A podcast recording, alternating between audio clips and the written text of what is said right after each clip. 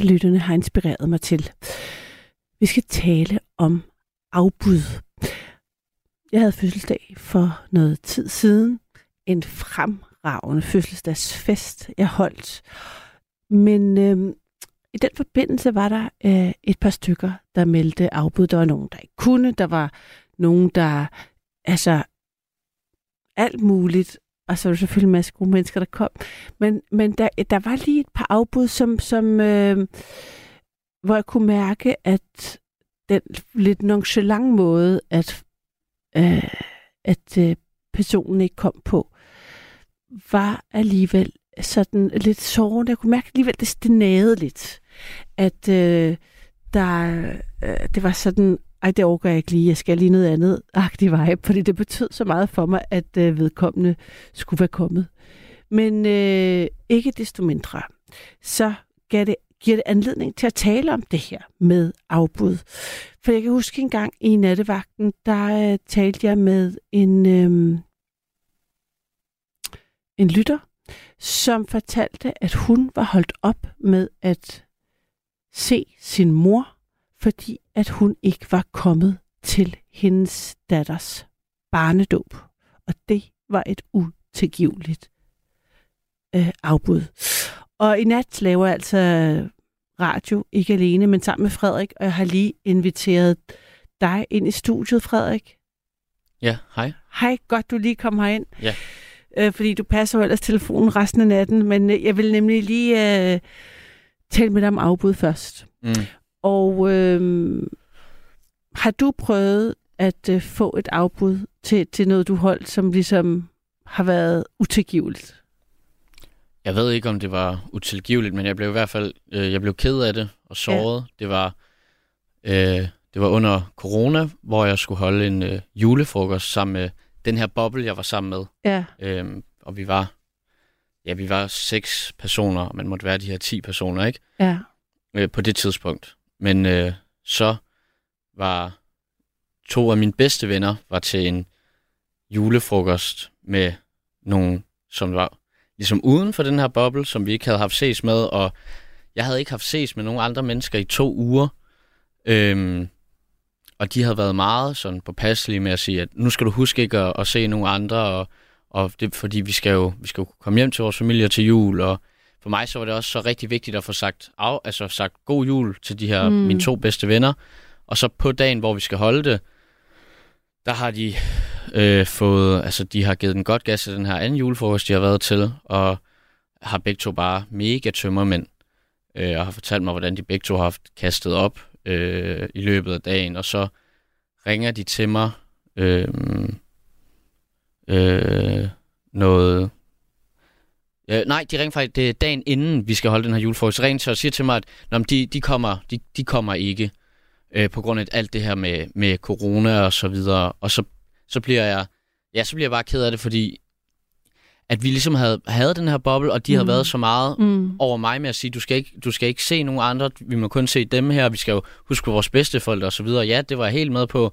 Og så var det ligesom dem, der tog ud for at se med nogle, ses med nogle andre, ja. som de ikke havde ses, set med i flere måneder.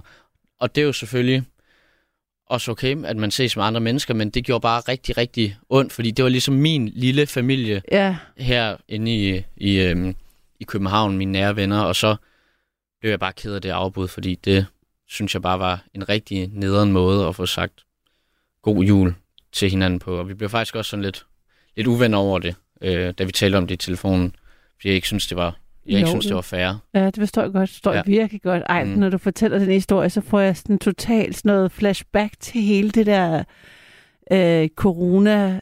Øh, det havde jeg helt... Altså, jeg havde blokket det ud i min øh, hukommelse.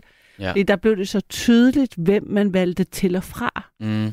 Og det blev enormt personligt, fordi ens, øh, man var jo var begrænset ja. i forvejen, så derfor blev det sådan så sat på spidsen, hvem der valgte en og ikke valgte en. Som jo også var det sådan i en mini-udgave, jeg lige sådan noget at øh, tænke over i hvert fald, i forhold til hvem der altså er det jo fair nok, hvis folk har skulle noget andet og inviteret os lidt sent, sådan, men dem, der ligesom lidt sådan carelessly, altså sådan uden omtanke valgte noget fra, der betød Mm. noget for mig. Så, det, altså, jeg tænker mig lige der, når du fortæller den historie, ej, jeg vil være gået, det vil have taget, jeg vil have taget det så personligt, og Ja. blevet virkelig, jeg vil virkelig, Jeg blev også rigtig, rigtig ked af det. Ja. Ja. og jeg, jeg kan også, altså jeg, jeg, jeg græd også over det, fordi Ja. jeg, jeg blev så, altså så ked af det. ja, det forstår jeg Øhm, godt. Altså, ja. det tror jeg virkelig godt. Mm. Også fordi man er så, altså, og især i den tid, men der er sådan et eller andet med, at at man jo inviterer folk, man holder af. Altså sådan, mm. Så hvis man, det, det er jo ligesom sådan en, øh, altså alle relationer, hvis, de, hvis man rækker ud, og så, altså når noget bliver, ikke bliver gensidigt, så er det bare enormt sårbart. Det, Altså, ja, egentlig. det er rigtigt. Jamen, og det var også underligt, fordi vi delte også husstand sammen, så det var også, altså det var virkelig, virkelig tætte. Øh, så det var ligesom også, det var ligesom os, der skulle holde den her julefrokost Ej. sammen, sammen med to andre. Øh, og så blev det bare, ja, så føltes det bare så, så afstumpet, så lige pludselig, at det så bare var, så var det bare mig, der så skulle stå for det. Ikke? Jamen, hvad så med... Øhm, altså, så kunne de jo ikke komme hjem nærmest, eller hvordan gjorde de så, hvis de havde været ude i sådan en smittezone og i brud sammen? Øh, jamen altså, de havde, en, de havde en bil, som de så kunne køre, kunne køre hjem med, ikke? Øhm, Men... Og de tog bare direkte på juleferie, så? Ja. Åh, oh, vildt nok. ja, det var, også, det var også det, jeg synes, der var... Ja, der var lidt... Og den er svær. Ja, den, den, den var svær. Vi er, altså, vi er I gode kommet venner i dag, ja. og at det er stadig mine to bedste, bedste venner, så... Men det var... Jeg fortalte dem, hvad jeg, hvad jeg synes, og normalt så plejer jeg ikke at tage sådan nogle konfrontationer. Men, øh, men der, der, det gjorde virkelig bare ondt, når man... Hele den tid var jo enorm... Der var jo ikke nogen ting. Altså, Nej. og så man havde virkelig også set... Det var det der med, at jeg også havde set frem til det. Og øhm, lidt ligesom, når man glæder sig til juleaften, ikke? Ja. Som, som barn. Altså sådan, at den her med så endelig, så lige at skulle mødes et par stykker, og så lige bare prøve at holde fast i en eller anden vis form for normalitet, øhm, og så fejre jul sammen, og det så bare ikke gik. Det var, ja, det var ikke så sjovt. Gud var imponeret over, at du også øh, konfronterede dem, og sådan gjorde det... Hvordan gjorde du det?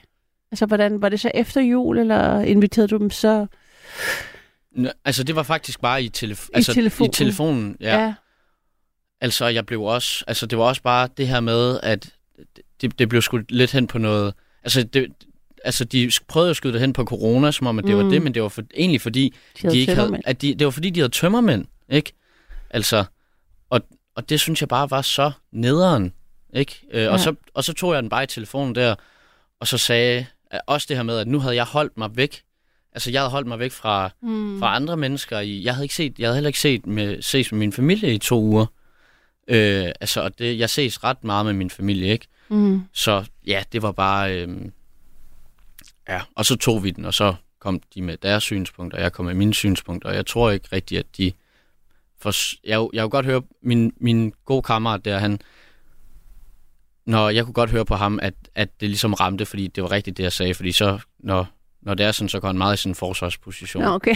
Ja, så, som, som, så som jo egentlig ikke er det, man gider at have. Men Nej, altså, præcis, fordi så gik han bare på Ja, ja, angreb, okay. og så ved man, at så, så, er det, så er det, fordi det er noget, der rammer, så er der noget rigtigt i det, ikke? Okay, ja. så Ja. kender I hinanden virkelig godt, hvis du kan finde trøst i, eller sådan tilgivelse og trøst i, at han gjorde til angreb og ikke indrømmer, så skal man virkelig kende hinanden godt, for det er jo sådan noget, der jeg vil slet ikke have, øh, være large nok til det, eller jeg vil i hvert fald være så emotionelt, sådan, så såret, at jeg bare vil gå til angreb tilbage, i stedet for at tænke, "Nå, okay. Ja, men jeg tror bare, at det var nok for mig, at Ja, ja. han vidste, hvor Ja. ked af det jeg blev ja, af det afbud. ja.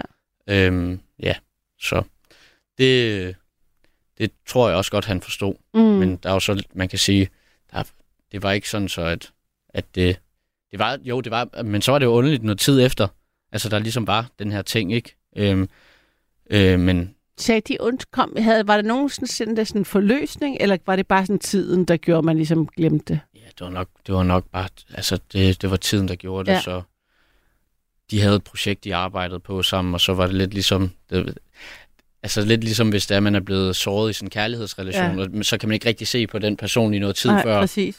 Og så var det, det var egentlig måske lidt sådan, kan man sige. Mm. Altså, Ja. Men de siger aldrig undskyld. Øh, nej, Nej. ikke, ikke ondt. De sagde, at de var, re, altså, de var kede af det. Ja, okay. Øhm, den anden, hun, den anden, hun sagde, hun sagde undskyld. Okay. Ja, men det gjorde min, min kammerat, øh, ham, de kærester. Ja, ja. Ja. Men øh, det gør det jo ikke bedre. nej, nej, men øh, sådan, er, sådan Ja. er det. Men vi er kommet videre fra det, Ja. altså. Men altså, det var ret... Øh, jeg, jeg læste en artikel, som jeg har lagt op på vores øh, Facebook-side, på Nattevagtens mm-hmm. Facebook-side, som en veninde øh, sendte til mig, som også handlede om afbud. Øhm, og derfor så tænkte jeg, at det kunne være meget sjovt at læse den op, som, som handlede om, hvorvidt at øhm, det med, at hvornår passer folk på sig selv, ved at sådan sige, ej, jeg har ondt i hovedet, eller ej, jeg orker, jeg har simpelthen ikke noget energi. Og hvornår passer man på fællesskabet? Det er sådan mm. Lidt det, den tager udgangspunkt i at sige, at det er også sådan fortæller om, hvordan måske at der er en tendens til, at alle er så optaget af, hvordan de selv har det, at de glemmer at passe på fællesskabet, og det tager udgangspunkt i, at altså en uh, Maria Jens selv oplevede, at der er ingen, der kom til hende. Ingen af hendes 15 venner kom til hendes baby shower, fordi okay. de alle sammen skulle noget. Fordi alle tænkte, at en eller anden, de andre kommer nok så. Ah, Jeg har lidt ondt i hovedet i dag, eller jeg overgår ikke lige, eller den der, sådan, ja. Når det er sådan nogle små ting. Ja. Øhm, og så nåede jeg sådan at tænke på, hvornår er et afbud godt? Altså, hvornår er det altså, hvornår er det i orden at melde afbud, og er det ikke, og hvornår skal man ligesom tage sig sammen, selvom man ikke har noget energi, øhm, og møde op for at gøre den anden glad. Altså, mm. Mm. der er også sådan, det ved jeg ikke, det tænker også bare var en interessant balance at, sådan, at tale om måske, og Helt det kunne klart. også være, at der var nogle lyttere, der, der havde nogle holdninger til det, fordi det er jo sådan en gråzone på en eller anden måde, ikke? fordi man er jo heller ikke sådan øh, særlig festlig, hvis man har ondt i hovedet, men samtidig kan man så godt bare møde op og bare vise, at ja, jeg, jeg tror også faktisk, jeg, jeg, jeg kan nemt melde afbud. Det, det er jeg god til. Så, men jeg tror lige, jeg blev opmærksom på, der, da jeg selv holdt en øh, middag og fest, og det der med, hvor meget arbejde man faktisk ligger i det mm. som vært, og når man laver mad, og, ja. Og når man gør sig umage, så vil man, altså sådan, så er det sådan en stor ting, øh, tidsmæssigt og økonomisk, og sådan følelsesmæssigt, og sådan, man er jo altid nervøs for, ved godt, kommer der nogen, kan de tale sammen, bliver det godt, bla, altså ja. Helt sådan noget uh, fjollet noget, ikke? Jo, jo. men alligevel øh, re- reelt nok, så kunne jeg bare mærke, at øh, det, var, det var ligesom vigtigt på en eller anden måde bare, at altså, der var en, som kom, som var lige ved at melde, hun ville faktisk ikke komme, og så var jeg lidt, du skal komme, og så var hun lidt, "Øh, okay, så kommer jeg. det var hende, der havde læst det. Hun havde nået sådan at læse den der artikel, tænkte, shit, jeg bliver nødt til lige at melde op. Og, og, og det var, hun var jo sindssygt træt. Det havde hun sagt, at hun sad i sofaen det meste tiden og gik tidligt, men jeg var sådan enormt glad for, at hun ligesom alligevel kom. Ikke? Jo, jo. Så der tænker jeg, at øh, det er ikke bare... Altså nogle gange er der, der er sådan en symbolværdi i at møde op. Helt klart. Lige meget hvor, og det blev jeg sådan selv mindet om. Vil jeg også sådan selv tage til efterretning, kunne jeg mærke mm. Fremtiden. Men så, det, så jeg tænkte, at det var spændende at høre, om folk havde, hvad folks afbudshistorier er.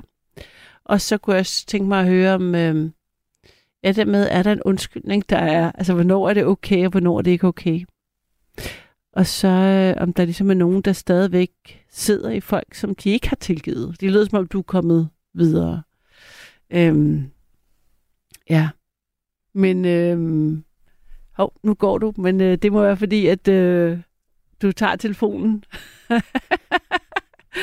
Frederik har forladt, uh, has left the building, skulle jeg sige, men uh, han er i hvert fald gået, løbet ud til telefonerne, fordi det er jo sådan i nattevagten, at øhm, du kan ringe ind på 72 30 44 44, 72 30 44 44. Jeg vil i hvert fald gerne høre fra dig. Du kan også sende os en sms på 14 24. Hej, der er for eksempel allerede en, der har gjort det, og det er Kim, han skriver fra motorvejen. Og der vil jeg gerne lige høre, Kim, jeg håber virkelig, at øh, ikke du kører, mens du skriver sms'er. Men hvor alt er, Hej Karoline, mit liv har været et stort afbud. Afbud til tandlæge, samvær med mine børn, helbredsundersøgelse og af og til livet. Meget med katastrofefølger, men jeg har dog valgt at se fremad frem for bagud. Han smuk aften. Smuk nat. Vel, det hilsen Kim. Åh Kim, nå, godt at høre fra dig, og øhm, nu håber jeg, at der er en lytter, der vil ringe ind på 72 30 44 44 og fortælle mig, om der er et afbud de ikke kan glemme, som, øh, som du er blevet udsat for. Jeg glæder mig til at høre fra lige netop dig. Der er ikke noget, der er for stort eller småt til at dele her i nattevagten.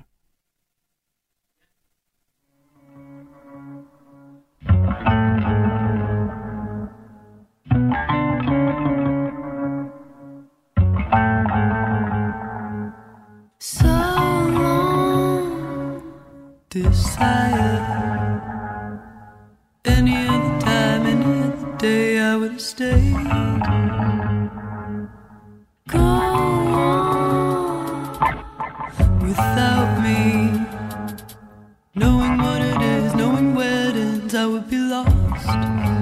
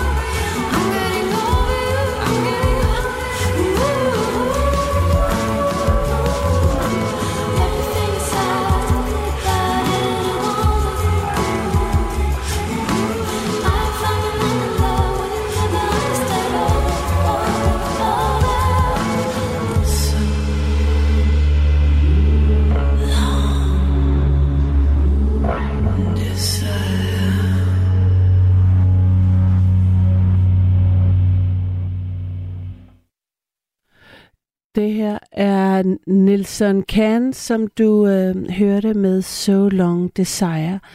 Og natten begyndte med øh, Josephine Philips Beginnings. Mit navn er Karoline Sasha Couchés. Der er en, der har skrevet på øh, vores øh, sms. Der er ingen, der har sagt, hvad du hedder. Kærlig hilsen, Bunderøven Jens. Men Bunderøven Jens, jeg hedder Karoline, og jeg er din nattevagt de næste to timer. For du kan nemlig ringe ind på 72 30 44 44, 72 30 44 44. Og i nat er øh, udgangspunktet for samtale netop afbud.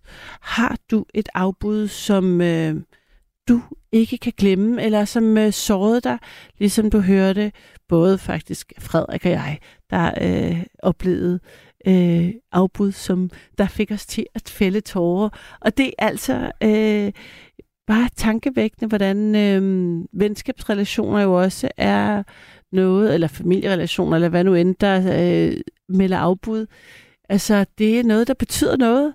Det kan det i hvert fald være, og øh, derfor så øh, er det sådan, at øh, jeg til med har haft en lytter igennem, der fortalte, at hun brød kontakten med sin mor på grund af et afbud, hun lavede til hendes øh, datters barnedåb. Det kommer alligevel bag på mig, men øh, så langt kan det altså også gå med et afbud. Men øh, dem er der sikkert flere af, den slags oplevelser, så jeg håber, at du vil ringe til mig, Karoline, og Frederik Stybe, som er ved telefonen, øhm, på 72 30 44 44.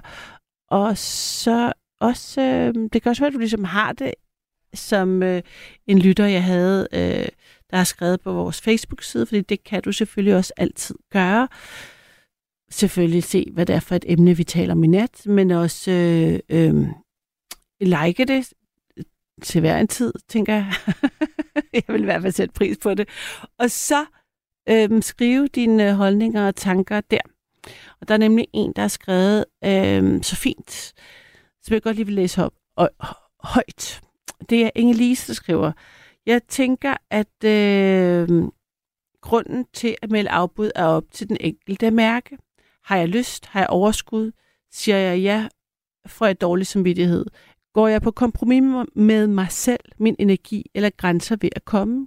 Grundene er jo forskelligt, men måske man bare skulle sætte hinanden fri, i stedet for at mase noget ned over nogen. Min kloge mand sagde til mig på et tidspunkt, hvem får noget ud af, at man kommer, når man ikke gider, er træt eller ikke er til stede?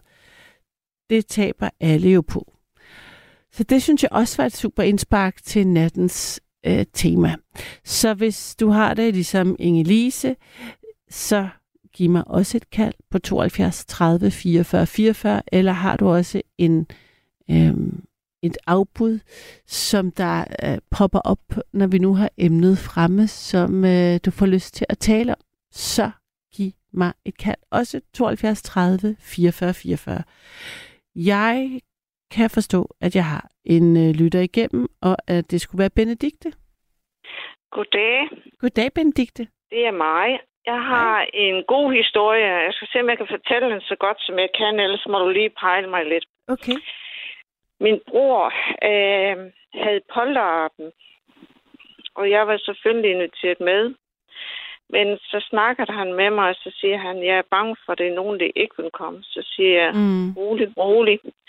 De skal give tid, give råd, de skal nok komme. Ja, men, nej, men nu det er polterappen, så det skal du ikke gå og sådan, altså det er polterappen. Nå. Og så kom det i sidste Mm. sekunder eller minutter eller sådan et Mm. eller andet. Og så kiggede jeg sådan over på den. Altså ikke som jeg sådan kiggede sådan over. Har de noget samvittighed, at de sådan, nej, jamen, de var her, og de kom. Og det kunne jeg bare se, selvom de kom senere, altså i polarten, ikke også, mm, og vi Mm, var godt mm. i gang og sådan noget, ikke også, så kunne jeg bare se på, som Frederik siger, man bliver såret Ja. på en eller anden måde. Altså, det gør man bare. Øh, jeg sagde ikke, altså jeg kunne se det, altså der ikke også, men vi havde en god fest, og ja, det var alt muligt, og det glemmer vi jo ikke, og ja, det var sent og langt ude på natten, og sådan noget, alt muligt forskellige ting. Men jeg kunne ikke lade være med, når jeg lige sådan øh, sagde ansigt til ansigt, øh, så sagde jeg til dem, altså, skulle I fatte mod til at overvinde noget med dårlig samvittighed for at komme, eller hvad? Det var jeg så bare så fræk, eller Ja, modig og wow. Ja. Og øhm, jeg siger, I behøver ikke at svare, fordi øhm, det er okay for mig. Altså, hvis I kan holde linjen ude, øh, og så kigge jeg over på min bror, ikke? Fordi han vil jo godt at, ikke også, øh, hjælpe, ikke også? Og vi havde en god fest og sådan noget, og det sluttede godt og sådan noget, og man kunne da godt se, at de ligesom... altså, vi ville ikke ud med, altså, hvorfor vi sådan de troppet op sådan lidt sent, ikke også, og sådan noget der, ikke også, og... Men det sidder bare, det glemmer man ikke, det er lidt utilgiveligt. Selvom de kom, selvom de var med til festen, og det gik rigtig godt med dem, og det var bare så godt, ikke også? Den du, sidder. du synes, Det er en sviger. Du må gerne snakke, det er en sviger. Og så skal man ikke gøre man, man, skal, man skal virkelig tage proportioner og så vise over, altså for min bror, altså mig, det er lige mig, men over for min bror, altså den goodwill, altså at han er, gør alt for simpelthen, de kunne godt have kommet en time før, end de gjorde, til træskoene på, og så se og komme afsted, ikke? Men det sådan er jeg bare ikke, og jeg vil gøre meget for det, men øh, nå, vi er jo lidt forskellige, og så Mm. kan man tykke lidt på det. Og ikke? tror, jeg tror du, Benedikte, at uh, din, altså, var du, tog du det mere ilde op end din uh, bror? Han synes det. Da vi så, altså, nogle dage efter, ikke også? Han synes det, så sagde jeg, jeg kan jo ikke bare lide at se dig stå der og være såret. Mm. Eller som et dyr, Mm. det ligger der og er såret, og så, nå, ingen så bliver det ligegyldigt. Du Mm. er ikke ligegyldigt. Det er ikke ligegyldigt. Det er værdi og positiv og betydning. Tænk lige på det. Mm. Og han sagde, jamen jeg er simpelthen, jeg havde ikke mod til at gå hen sådan lige, og så...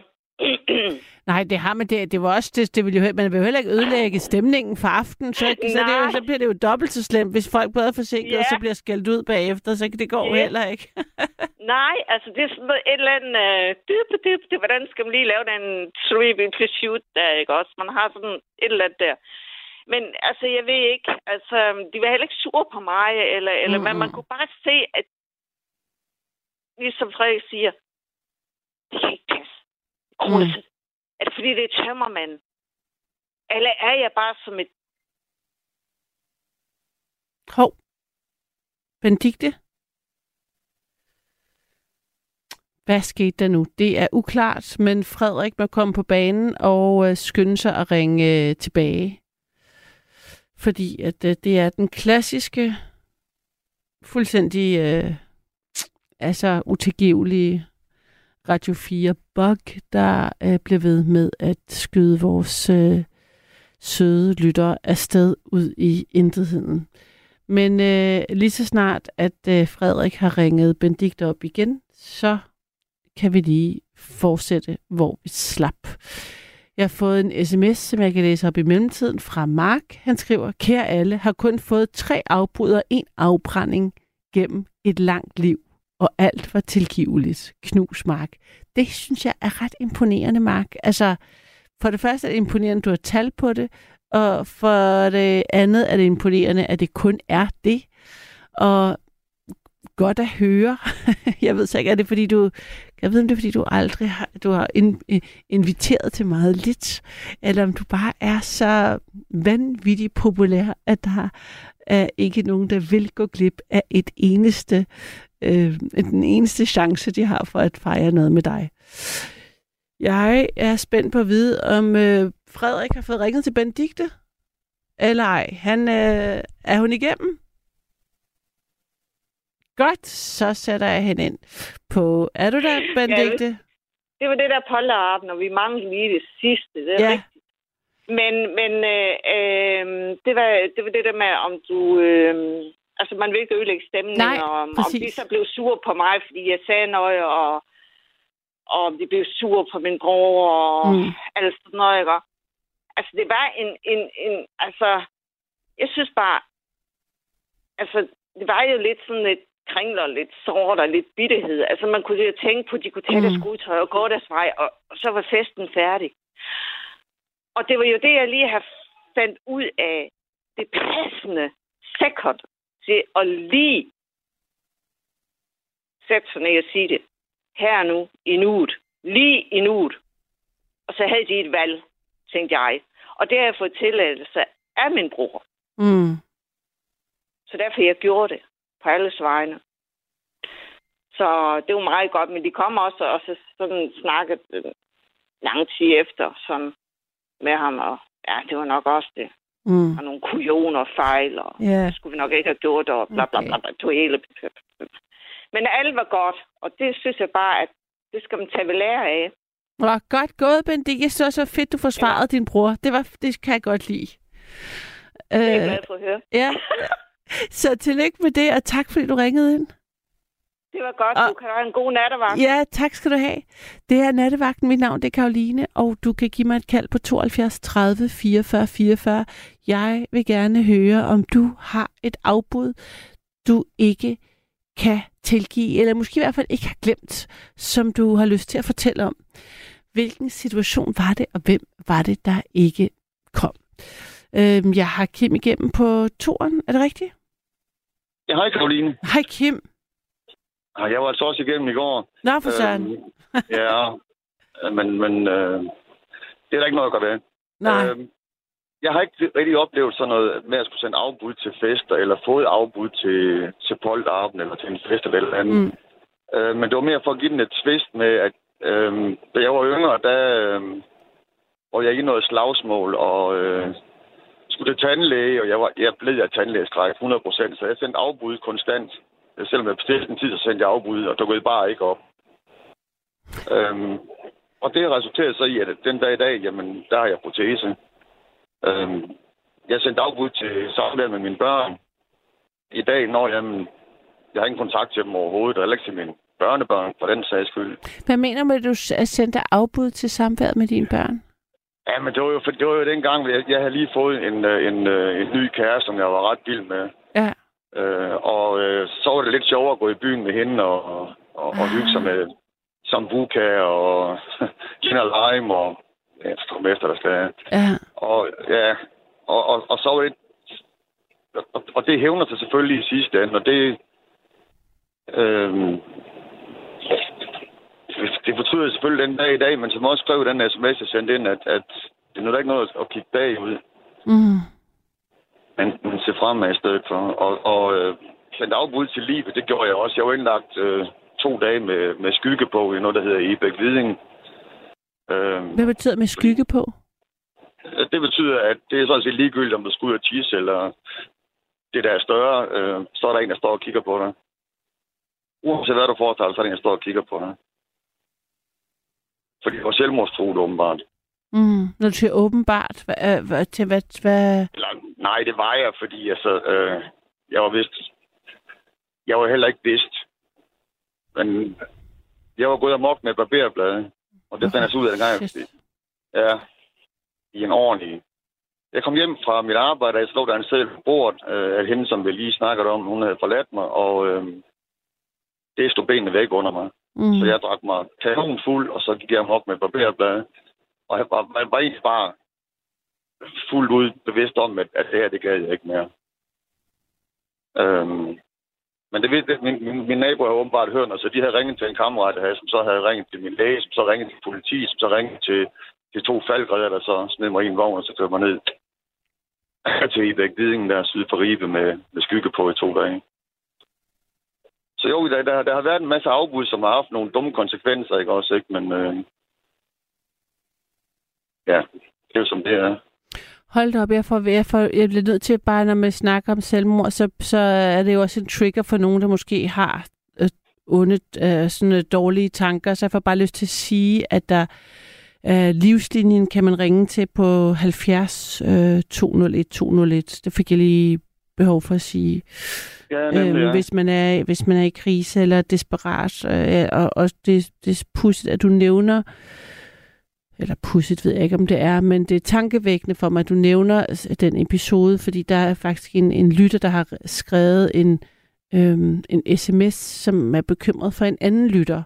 Det er det, der sker i nattevagten nogle gange i, i jer, der lytter til det øh, meget, eller der er jo virkelig nogle trofaste lytter, de, de har sådan styr på hinanden, og der er en, der er bekymret for en anden lytter. Jeg kan jo så ikke, jeg har ikke været i nattevagten i, i, i nogle uger, så jeg kan ikke øh, bede eller afkræfte den bekymring, øhm, og, og vil ikke øh, læse Har navnene med, op. har det noget med i går at gøre? Jeg aner det ikke, fordi jeg har ikke, jo ikke hørt i går, men det har I jo, der Nå, har lyttet med. okay.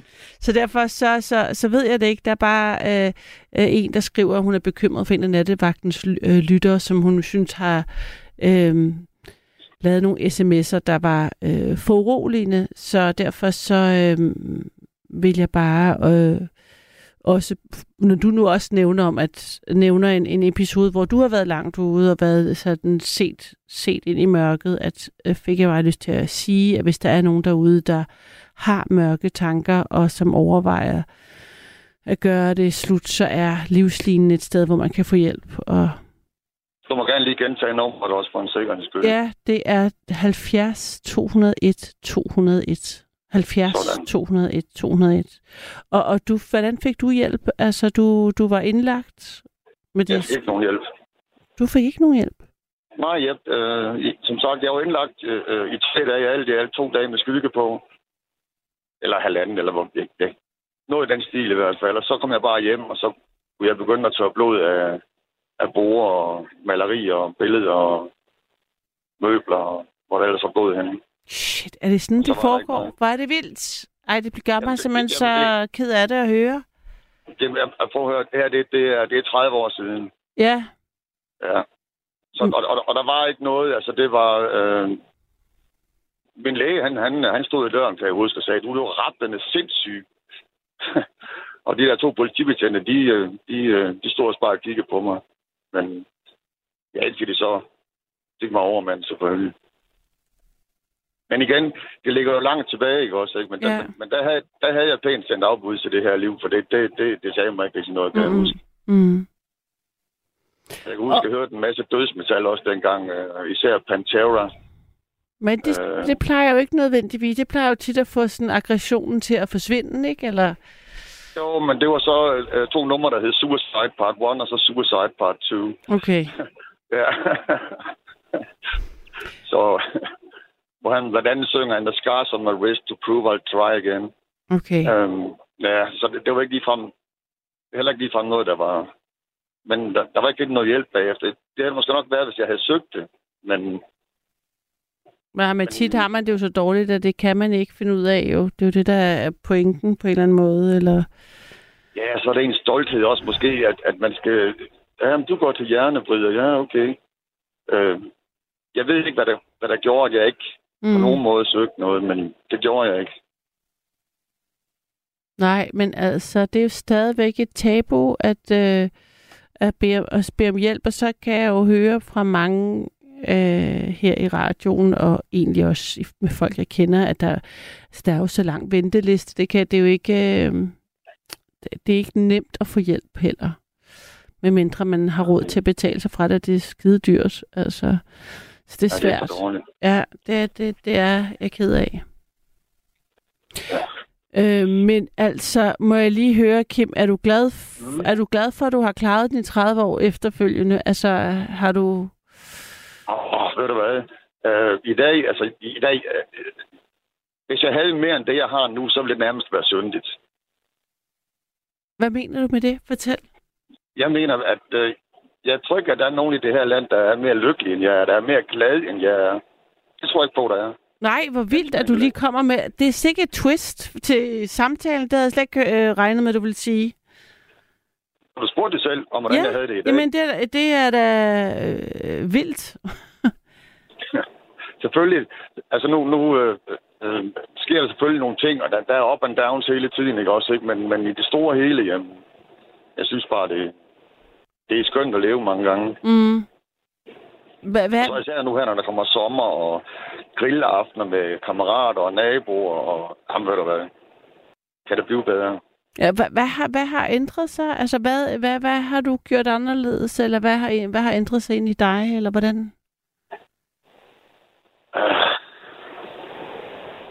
Altså efter hende der, der, der, der har jeg haft 30 år med øh, frem og tilbage og en hel masse kvindelige bekendtskaber, hvor, hvor det egentlig bare har været ligegyldigt. Mm. Øhm, men nu har jeg så mødt en, en rigtig vidunderlig dame her for... Mm. Ja, det er snart, det er snart 8 år siden nu. Og øh, jamen, det er bare solskin. Nå. Det er jeg glad for at høre.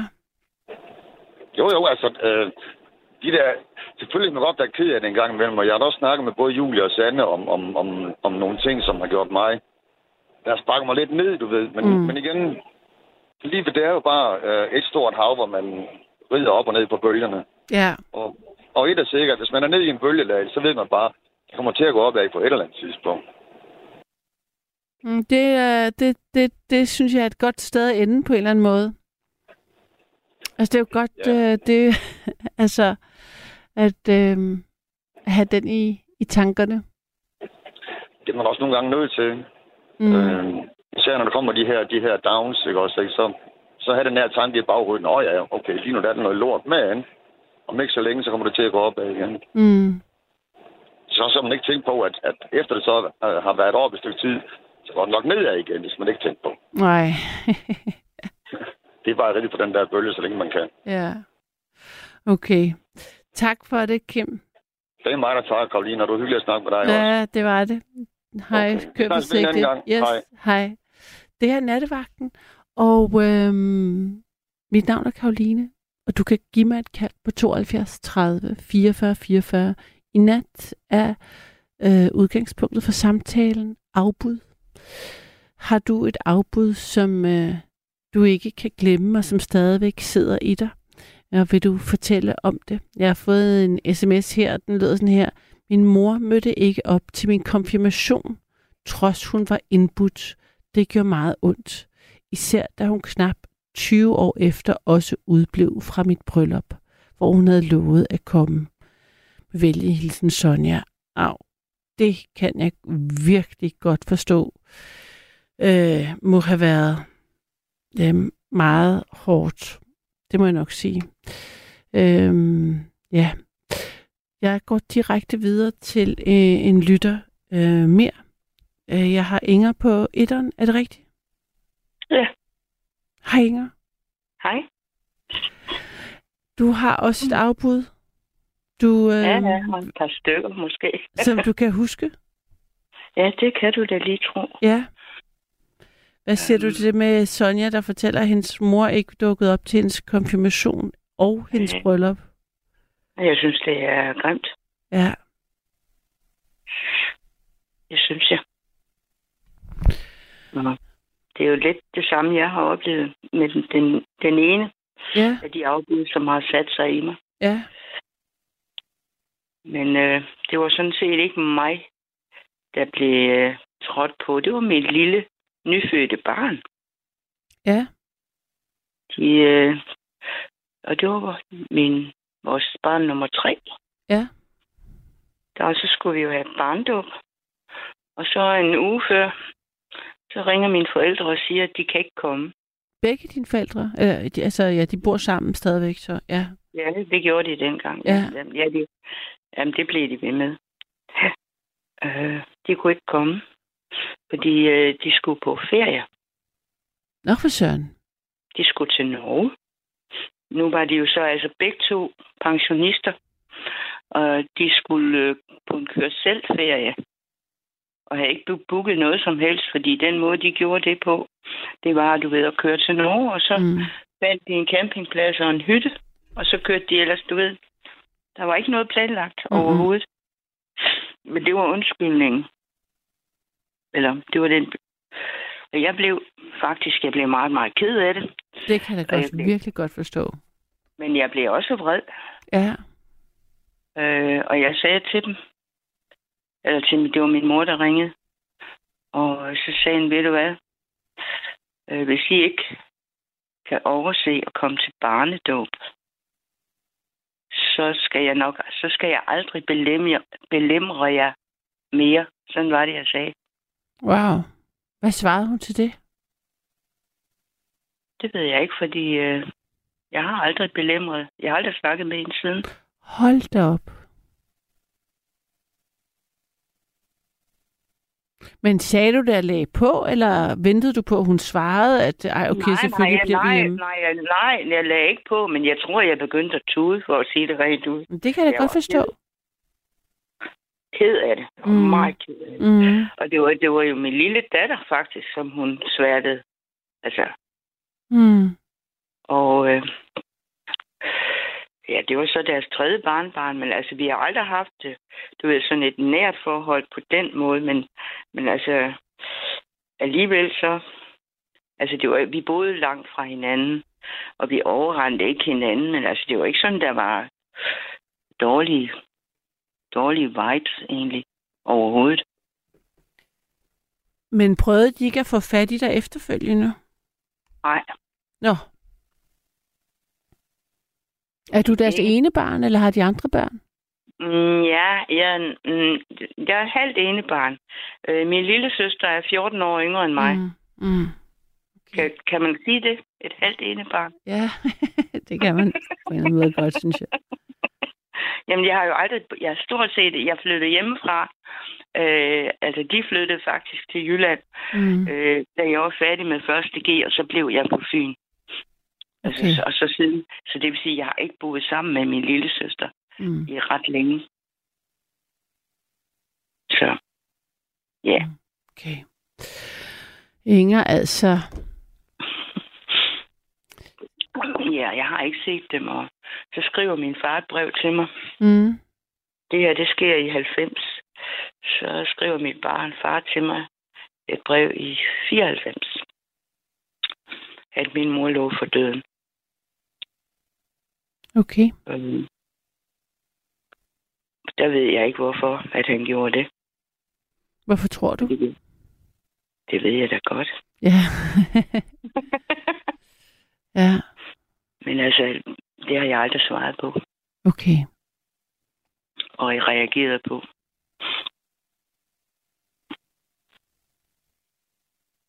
Altså, mm. det, du, du sagde jo noget med, om man glemmer. Nej. Ja. Mm. Jeg, er ikke, jeg, er- jeg er faktisk ikke god til at glemme. Nej, det kan jeg da godt høre. Så da min søster ringede, det er ikke så mange år siden, Mm. hun ringede og sagde, at min far var død. Nå, jamen, det var han så. Altså. Og så sagde hun, så sagde hun til mig, det var før han skulle begraves. Så siger hun til mig, ja, du skal lige vide, at, uh, din, at far har skrevet testamente, og du får mindst muligt. Mm. Jamen, fint nu. Nu griner jeg. Det gjorde jeg faktisk også der. Og ved du hvad, sådan det var, jeg var ligeglad. Ja, det var ikke det, der Du kan, blev... godt, Ja. du kan godt kalde mig en hård, en hård nej, men altså, hvad skulle jeg bruge det til? Hmm. Ja, Men altså, der... Du må have givet slip på det undervejs, selvom jeg tænker, at det også må have siddet i lang tid og gjort dig ked af det og vred. Ej, det var kun omkring barndåben, det gjorde rigtig ondt. Okay.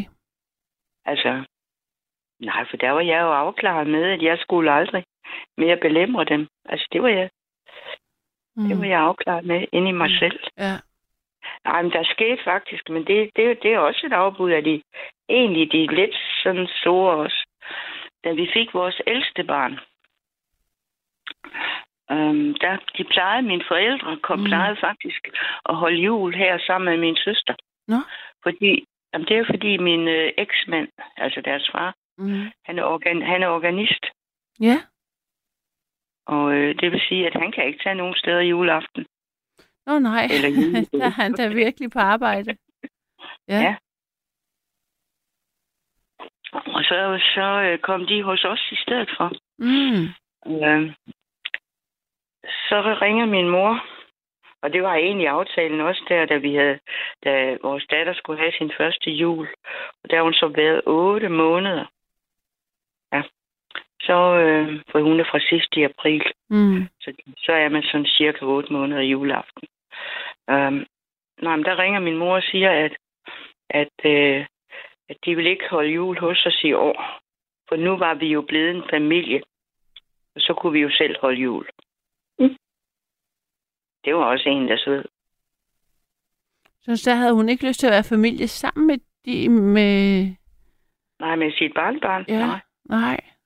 Og det er det første, hun fik jo. Men øh, nej, det, det, der, det var lidt mærkeligt.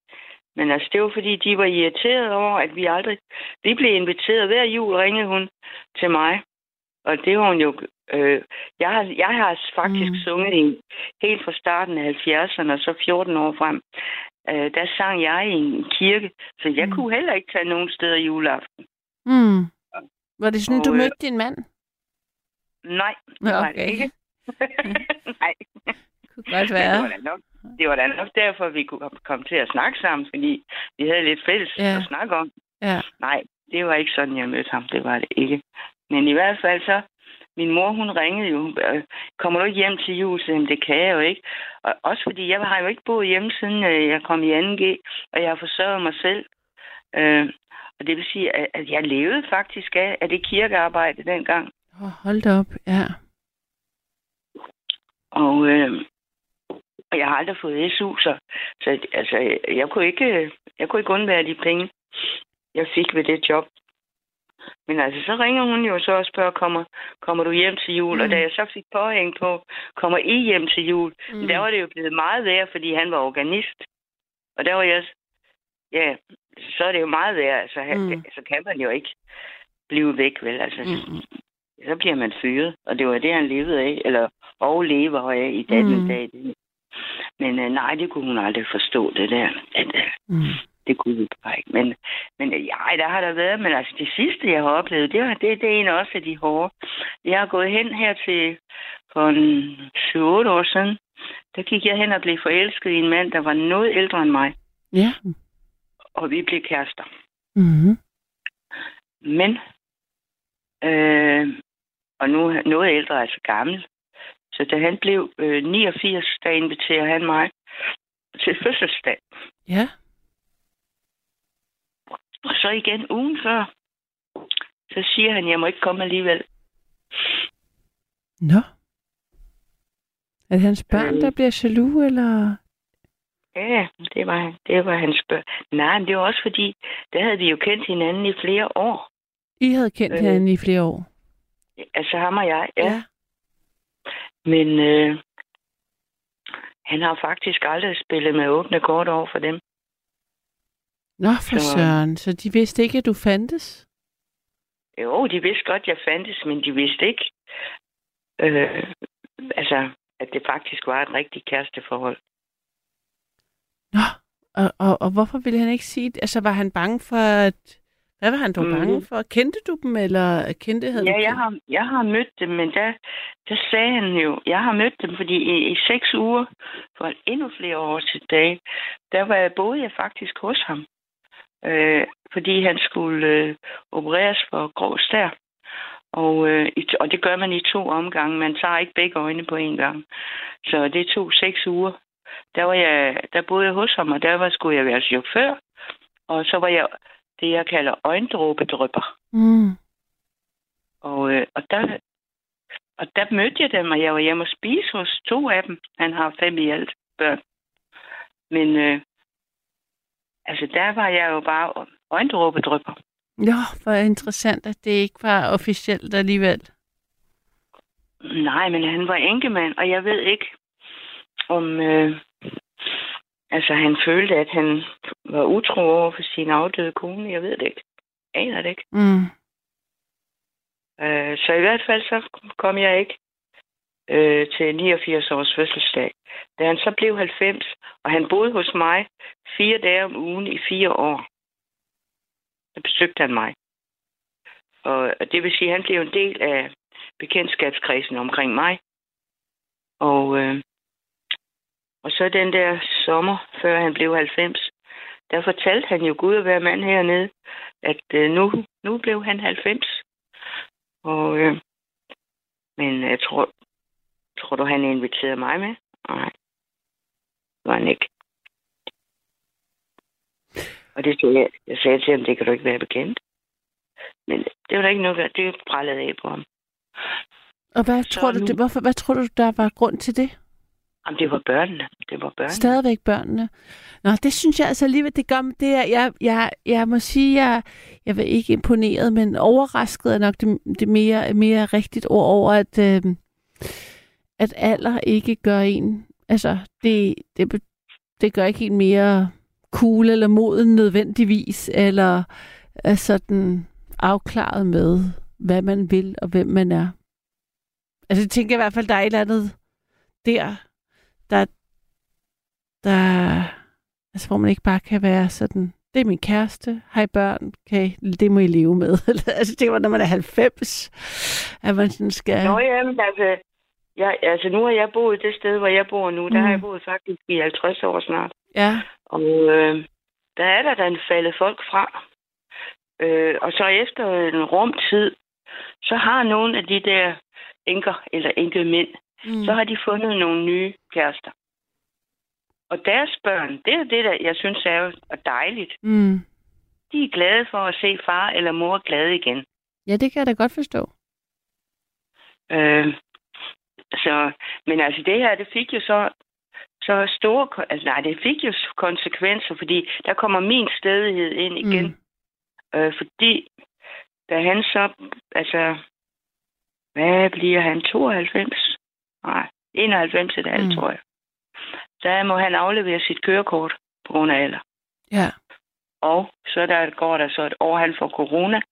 Du ved, det er i 20, december 20. Mm. Og efter coronaen der, der bliver han, der sker der altså noget med ham.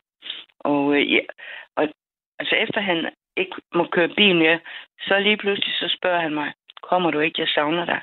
Nå. Så siger han, det kan jeg ikke, det kan jeg ikke. Eller, det kunne jeg ikke, for jeg ville ikke. Jeg synes, det ville være så medværdigende for mig. Mm. Så sagde jeg, vi kan snakke lige så meget, vi vil i telefon, men jeg kommer ikke. Okay. Og vi snakkede, undskyld, vi snakkede rigtig meget mm. Mm. i telefon. Mm. Øh, men så kommer han på plejehjem, det er godt et år, eller knap et år efter, at han har haft corona. Og så kommer han altså på en demensafdeling.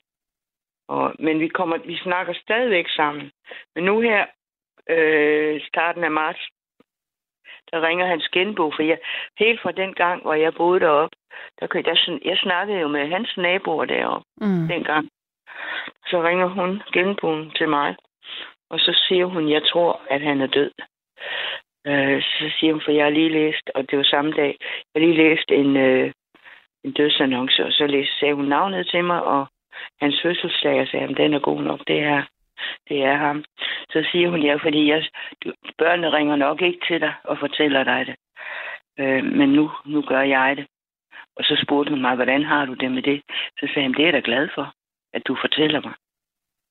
Øh, og så fik jeg så sendt en borgerbuket, og ja, for jeg kom ikke til begravelsen, for det ville jeg. Jeg skal ikke møde de mennesker der. Øh, det vil jeg have det. Der tænker jeg så lidt på mig selv, at jeg, jeg vil have det afsindigt dårligt, mm.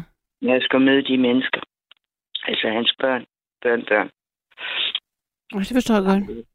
Også, øhm, ja. Men altså, det, så ringede hun så igen. Altså, hende, hans gamle genbo der. Mm. Så siger hun, øh, har du hørt fra børnene? Ved du hvad, det har jeg faktisk. Jeg har sgu fået et takkekort for den der bogbuket. Nå, det var godt. Ja. Men det, jo- de kan jo ikke, de vidste jo ikke, de ved jo, det er jo ikke dem, der har taget beslutning om, at du ikke skulle, de ikke skulle vide, at de var kærester, kan man sige. Ah, det vidste de godt. Nå, vidste okay. Det vidste de godt. Fordi en gang, altså, han, øh, jamen, det- nu kommer vi ud i noget fuldstændig vanvittigt, i, i, i dine ører i hvert fald. Øh, mm, han kørte mig ned for, puha, tre et halvt år siden måske. Jeg kan ikke huske det. Men øh, han kører mig, han bakker mig ned i min egen indkørsel, i min egen bil. Altså, han Øh. kører dig decideret over? Eller kører ind i dig? Ja, han er, jeg er på vej, altså jeg er på vej ind på pa- pa- passagersædet. Det er ham, der sidder ved øh, rattet. Og så skal jeg om, og han ved, jeg kommer. Øh, men øh, der bakker han mig altså ned, og jeg, altså når du bliver en bil kører ind i dig, så vælter du. Så falder du. Altså, Ja, du kan ikke stoppe en bil. det var der, hvor han havde grå stær, eller han, han, han ikke måtte Nej, køre? nej, nej, nej, Nå. nej, nej, nej. Nej, der var han. Nej, hans, hans syn, det blev bedre, end jeg bruger Okay. briller. Hans Okay. Hans syn blev bedre end mit, da han havde fået Mm. ordnet sit der. der. Nej, det var, øh, han kiggede ikke i bagspejlet, han kiggede kun i sidespejlet, og mm. jeg var bagved. Og det ender jo så med, at jeg bliver indlagt med bækkenbrud og brud på mit håndled og min albu og skal opereres i hånden og Mm. armen. Mm. Og, og der ringer hans datter. Ja, først, øh, fordi da han, han var jo meget herover. Han gjorde jo også den fejl. Han var gammel. Han kørte jo og var herover på Fyn i så mange dage, altså igennem fire år. De vidste jo ikke, hvor fanden, nej, nu banner jeg, hvor han tog hen, hvor han var henne. Nå, for søren, ja, så de jeg tænkte, hvor far du henne igen? Jamen altså, jamen det, ja, plus hans alder skal du lige tage tage Ja, i ja. Men, men, men jeg, Øh, jeg skal altså- blive nødt til lige at holde fast i det, fordi du startede med at sige, at du har aldrig hørt noget så, vand, så sindssygt. Er det det med, at han kørte dig ned, eller kommer der et eller andet Ja, mere? men så sker der det, da jeg så... Øh, nej, der er ikke nogen, der alarmerer mig. Og grunden til, at der er nogen på gaden, der ser det ske, og det vil sige, der var politi på hele dyt i Jausen der. Og øh, Hvorfor var der politi? det var fordi, de så jo, at han kørte mig ned. Og de vidste ikke, I kendte hinanden, eller de tænkte bare, nu ringer jo, vi til politiet? Jo. Nej, men ved du hvad, det var dumt. Det var dumt, det du sagde. Man Nå. kører ikke folk ned, bare fordi man kender dem vel. Nej, men jeg mener, politiet tilkalder man vel, hvis der er, altså, hvis der er en konflikt. Jeg mener, det er vel ambulancen, skulle man, jeg vil tænke på, at man ringede til en ambulance. Nej, nej, Nå. altså det var politiet. Jamen, det var fordi, de så, at jeg blev kørt ned Okay, ja. i min egen indkørsel. Ja. Ja. Der var ikke engang noget ud til fortorvet. Altså, det har, været, det har været absurd for dem også jo, Ja. at se det. Ja, Og så kommer de jo helt naturligt. Det var to damer. ja, De kommer hen og hjælper mig og får mig op at stå og får mig ind i stu i huset ind og sidde på sofaen. Ja. ja. Og samtidig med, der har de så meldt, altså der har de ringet til politiet, at de har set et færdselsuheld. okay, ja. Og så kommer politiet jo, og de, har, de optager rapport. Og der står i rapporten, der står der, Gud hjælp med kæresten, kører mig over. Der står min kæreste. Okay, Men jamen, det, det fortalte han jo. Politiet, det var ham, Ja. de afhørte. ja. Jeg hørte på det. Men altså, jeg var lidt... Jeg, øh, nu er jeg ikke sådan pivskid, fordi politiet sagde til mig, det gjorde afsindig ondt, skal jeg så hilse at sige. Mm. Men, men politiet, de siger så til mig, eller siger til os, så siger han, siger de, altså, I skal ikke ringe 112, fordi det, det kan jo, så kan det jo være, at, øh, at ambulancen ikke kommer til noget, der er alvorligt. Jeg tænkte, hold op. Men øh, jeg sagde til, til ham, min kæreste, sagde, jeg kan ikke sidde i nogen bil. Jeg skulle jo på skadestuen, men jeg siger, jeg kan ikke sidde i nogen bil. Jeg bliver, vi bliver nødt til at ringe efter en ambulance. Det gjorde de så også. Men så sker der det, det her sker lørdag middag. Mm. Og så, så bliver jeg så sat til operation, både altså om søndagen. Ja, for du skulle opereres. Ja, jeg skulle have opereret mit håndled Ja. og min, øh, og min, hvad hedder det, albu. Jeg bliver indlagt. Jamen frisk nok, at de siger, at du ikke skal forstyrre ambulancen, altså. Jamen, det er jo fordi, jeg ikke er en pivskide. ja, Jeg, de kunne ikke se på mig, Nej. hvor ondt det gjorde. hold da op. Men altså, det skulle de jo ikke bestemme, at Nej. om jeg kunne sidde i en bil. Øh, det kunne jeg ikke. Men øh, nej, men så sker det det, at jeg bliver indlagt, og så, øh, og så skal jeg faste, du ved, det skal man jo, når man skal i narkose. Ja. Og så, øh, og så bliver operationen så aflyst, fordi på grund af, at, at øh, anestesien, den er øh, simpelthen optaget på grund af en, en, øh, alvorlig øh, trafikulykke. Nå, Så, der, så anestesien er der ikke. Så bliver jeg overført. Og det kan jeg godt fortælle. Altså, vi er i Odense på en universitetshospital. Mm. mm. Og øh, så overfører de mig til Svendborg, som også er en del af Odense Universitetshospital. Mm-hmm. Og øh, så skal jeg opereres dernede. Mm.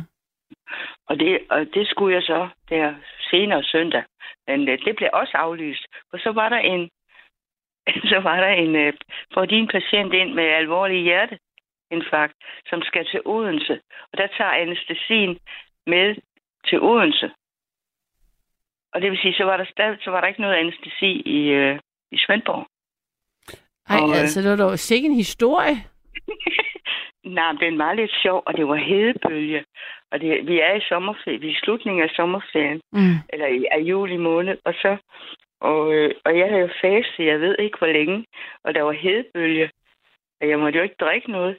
Og så siger jeg så til ham på tøren der, da han får, vi når helt ned til operationsstuen, da han får, at, øh, at vi er blevet aflyst. Øh, Så må han jo så køre mig tilbage igen til min stue. Og så siger jeg så til ham på vejen, så siger jeg, kan du ikke, øh, kan du ikke skaffe mig noget koldt at drikke? Jeg vil så gerne bare, bare en liter mælk. Øh, fordi jeg var tørstig. Jeg var virkelig tørstig. Når man har fastet i over et døgn. Mm. Så, øh, så gik der ikke ret lang tid. Så kommer der sådan, du ved, sådan en blå mand ind på stuen med en liter mælk. Det var, mit, det var ham kirurgen, som skulle skære i mig. Han, Nå. havde jo, han var blevet, han var blevet arbejdsløs. Nå ja, så han kunne hente med til dig. Det- det var da meget friskt.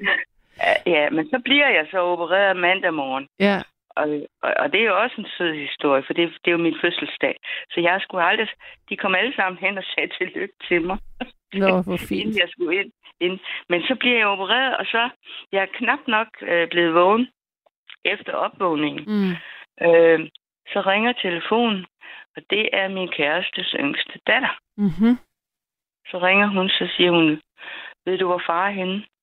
Ja, jeg sagde, det ved jeg godt. Han bor hjemme med mig. Øh, han bor hjemme i mit hus. Har, har han, kan jeg ringe til ham der? Jeg sagde, det kan du godt. Der havde jeg et fastnetnummer også. Mm. Så hun får, og det er derfor, at hun, hun vidste, altså de vidste det jo godt. Der, der er en, der spørger her, Ina spørger på, på sms'en, hvordan havde Ingers kæreste det med at have kørt hende ned? Øh, der tror jeg, han var begyndt at blive dement. Han sagde, Nå. du kunne, bare, du kunne bare have flyttet dig. Ja, okay. Det var, det var ikke lige det, man havde lyst til at... Det var ikke den respons, man lige havde lyst til at høre. Nej. Nej, det sagde jeg til ham. Nej, det var fordi, det kom 100% bag. Hvad vil du sige til? Altså, jeg ved, jeg gjorde nok noget forkert. Jeg troede, jeg, du ved, jeg sætter venstre hånd på min egen bils bag, bagrude for at stoppe den, men det kunne jeg jo ikke. Du kan ikke stoppe en bil, hvor der sidder en fod på en bremse, vel? Øh, og så tager jeg fra, og det er så grunden til, at det går så meget ud over min højre Ja. arm. Øh, øh, så tager jeg fra med min højre hånd, da jeg vælter. Øh, ja. Åh, sikke noget, Inger. Men altså, tak for, øh, tak for Men hi- altså- Men historien. stadigvæk, mm. jeg kom heller ikke til hans begravelse, fordi øh, det, men jeg har det fint med, at jeg ikke gjorde det. Øh, fordi jeg havde ikke, jeg havde ikke brug for at komme der. Omvendt, omvendt så han det der takkekort, og det har de så sendt til dem, der sendte blomster. Eller, Mm. øh, det er, der er et billede foran på det, med et billede af graven, af hans grav, hvor alle blomsterne er lagt på. Ja. Og så sidder hans, den yngste datter der, som ikke vidste, hvor farmand var henne. Hendes hund, den, øh, den sidder med ryggen til øh, kameraet og kigger ind på graven, som om den, sidder, den tænker, det er jo noget, jeg tillægger billedet. Den Som står og sørger. Men den tænker på, hvor er du henne nu? Nå. Altså, ja. Og så lukker man op, så er der faktisk et meget, meget gedint billede af ham Mm. Øh, på venstre side, og så er så teksten der på højre side. Men Mm, den er fint. sendt Ja. til mig på min adresse med mit fulde navn. Sådan. Så, så, så på en eller anden måde, så ville de jo pænt ud af det. Og det var en pæn familie. Slet ikke det. Mm. Veluddannet. Pæn familie. Ja. Ja.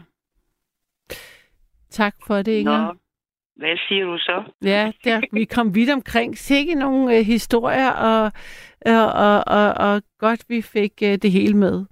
Men altså, summa summarum, og det er jo, jeg er ikke god til at tilgive, kan du høre det? Ja, det kan jeg...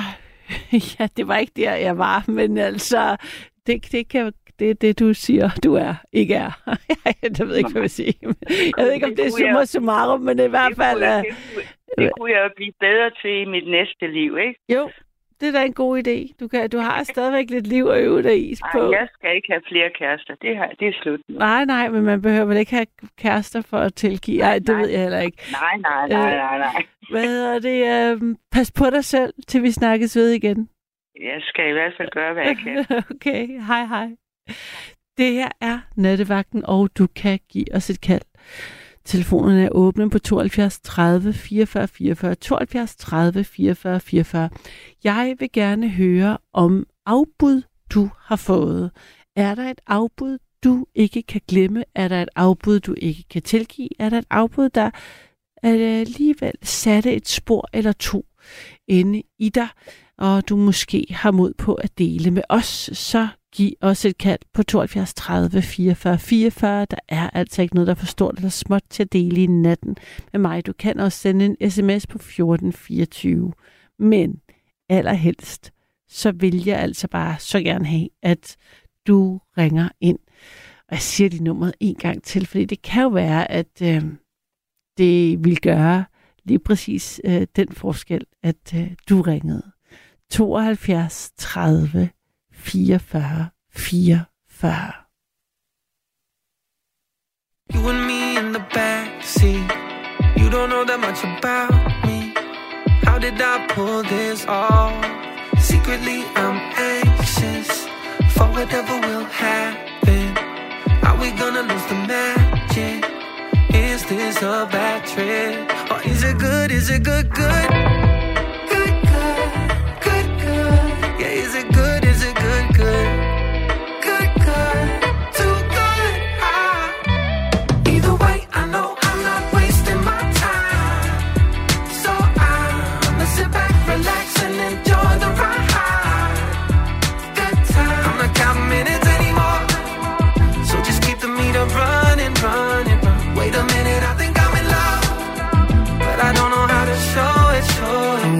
belong in a taxi. You and me in the backseat. You don't know much about me. How did I pull this off? Secretly, I'm happy for whatever's gonna happen. I don't mind this traffic, cause you're my favorite trip. You look up adventures, get me high.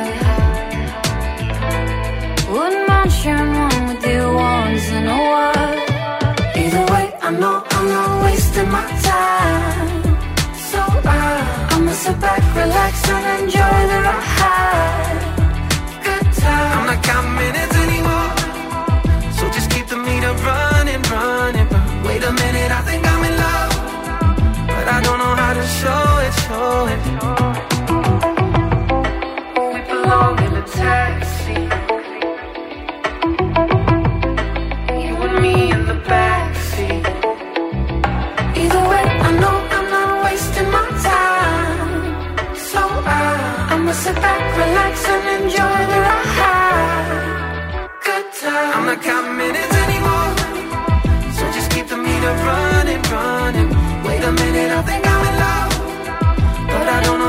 Show it, show it. I'm not counting minutes anymore. So just keep the meter running, running. Wait a minute, I think I'm in love. But I don't know how to show it, show it. Yeah, I love it when we cruise in the blur. On the way to a new universe. You got the booze in your purse. We're listening to Lucy Pearl. Yeah, I love it when we cruise in the blur. On the way to a new universe.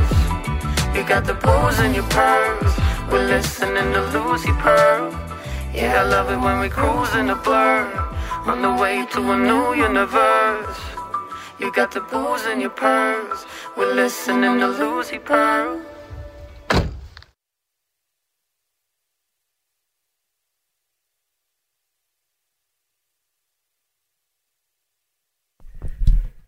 Velkommen tilbage til nattevagten. Du hørte Taxi med Flæk og E.G.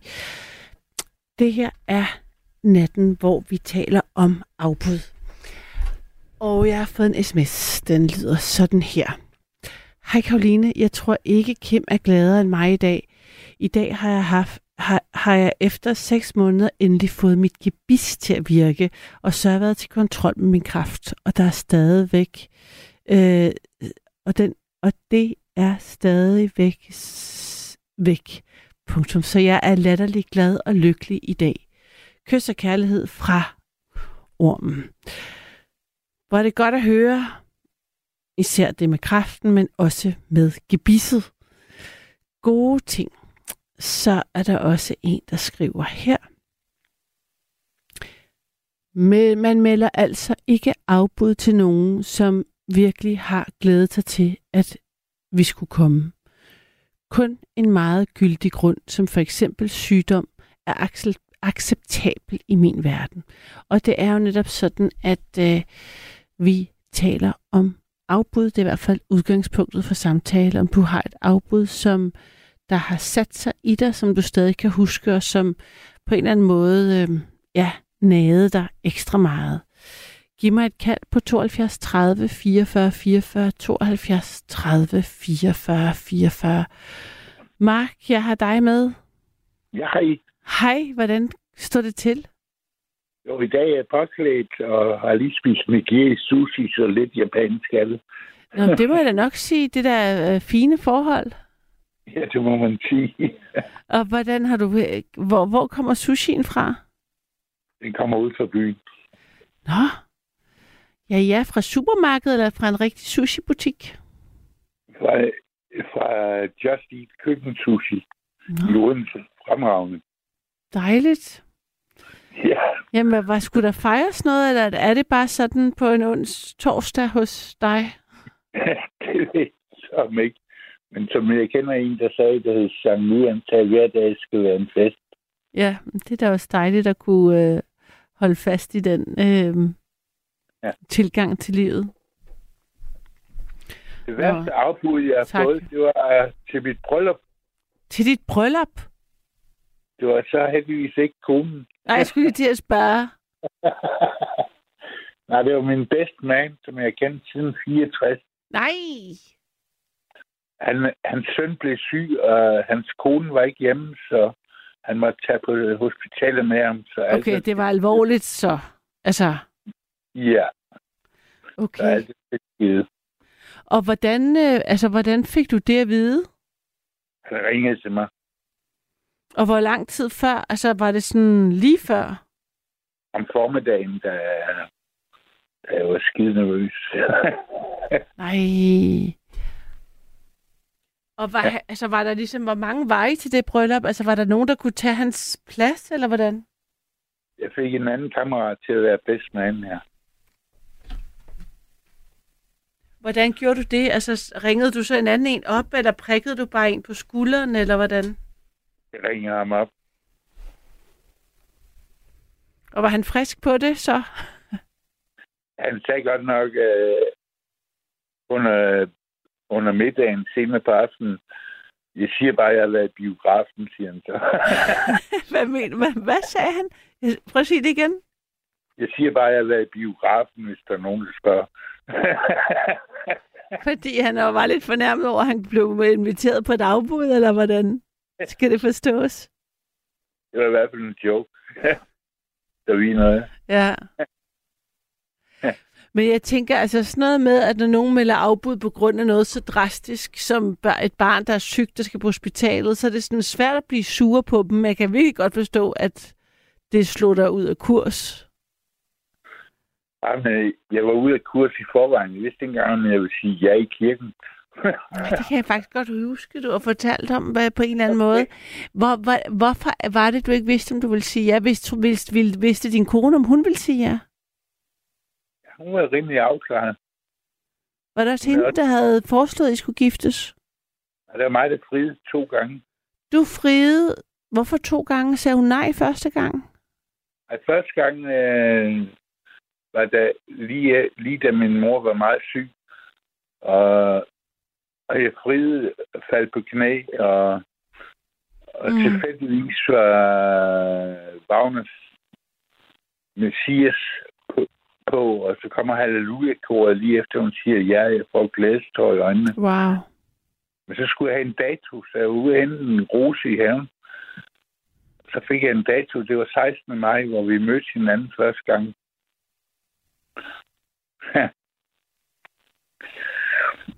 Altså, det var den dato, I satte for at blive gift. ja, det viste sig at være en stor bededag, så jeg håber ikke, de trækker den tilbage med tilbagevirkende kraft. nej. Men Ja. hvorfor skulle du så give fri anden gang?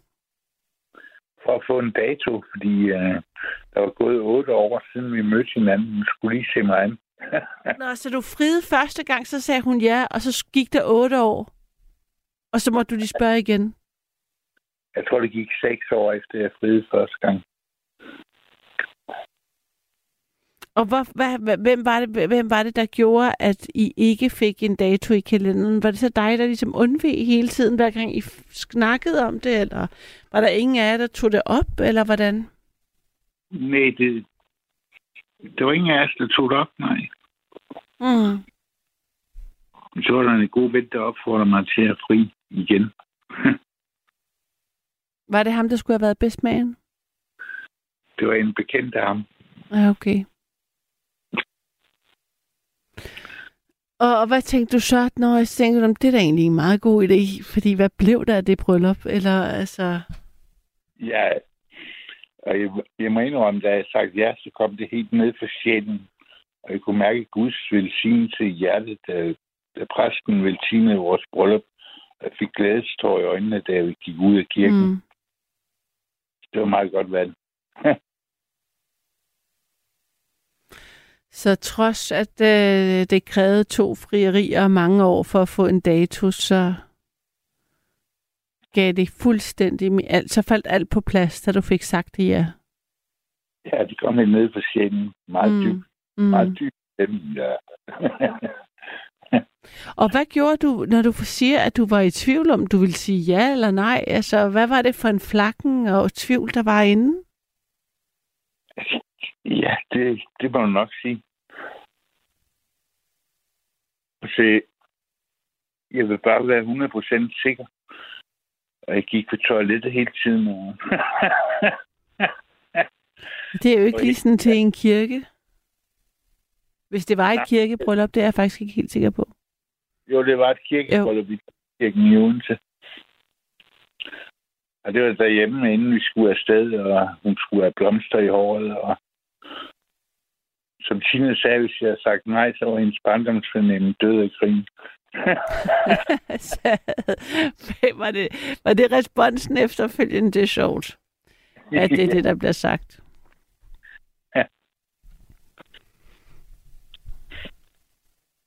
Men Og- vi havde, vi havde alligevel 18 års ægteskab. Ja.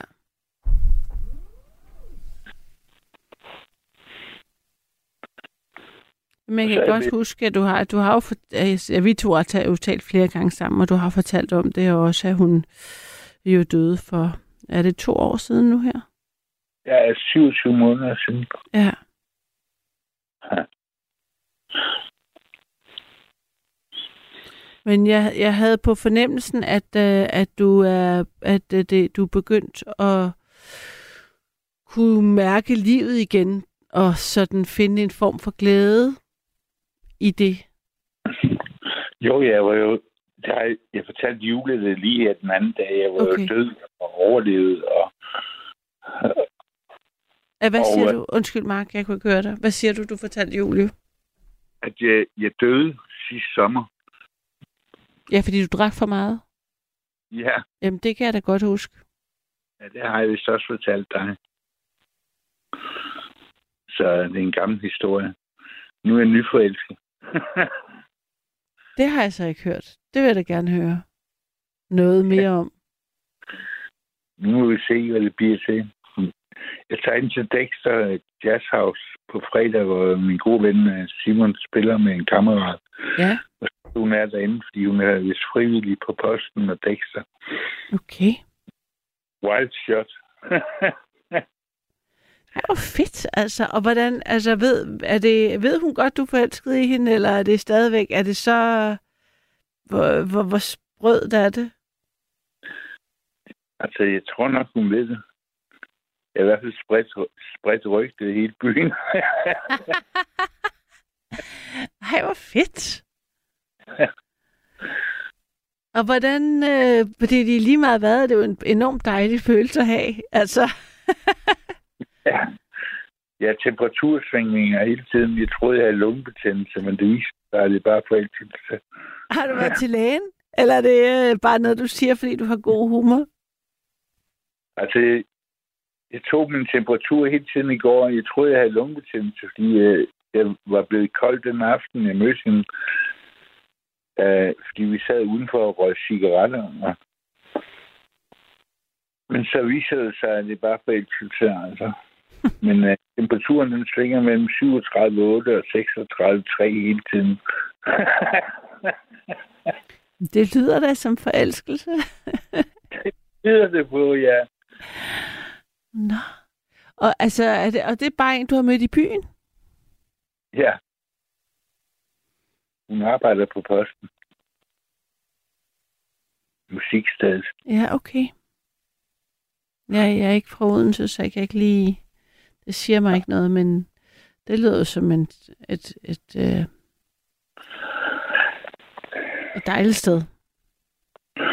Ja, det er en af byens bedste musiksteder. Okay. Vi hørte lydsyn. Hvorfor noget? Lydfyn? Eller lydsyn?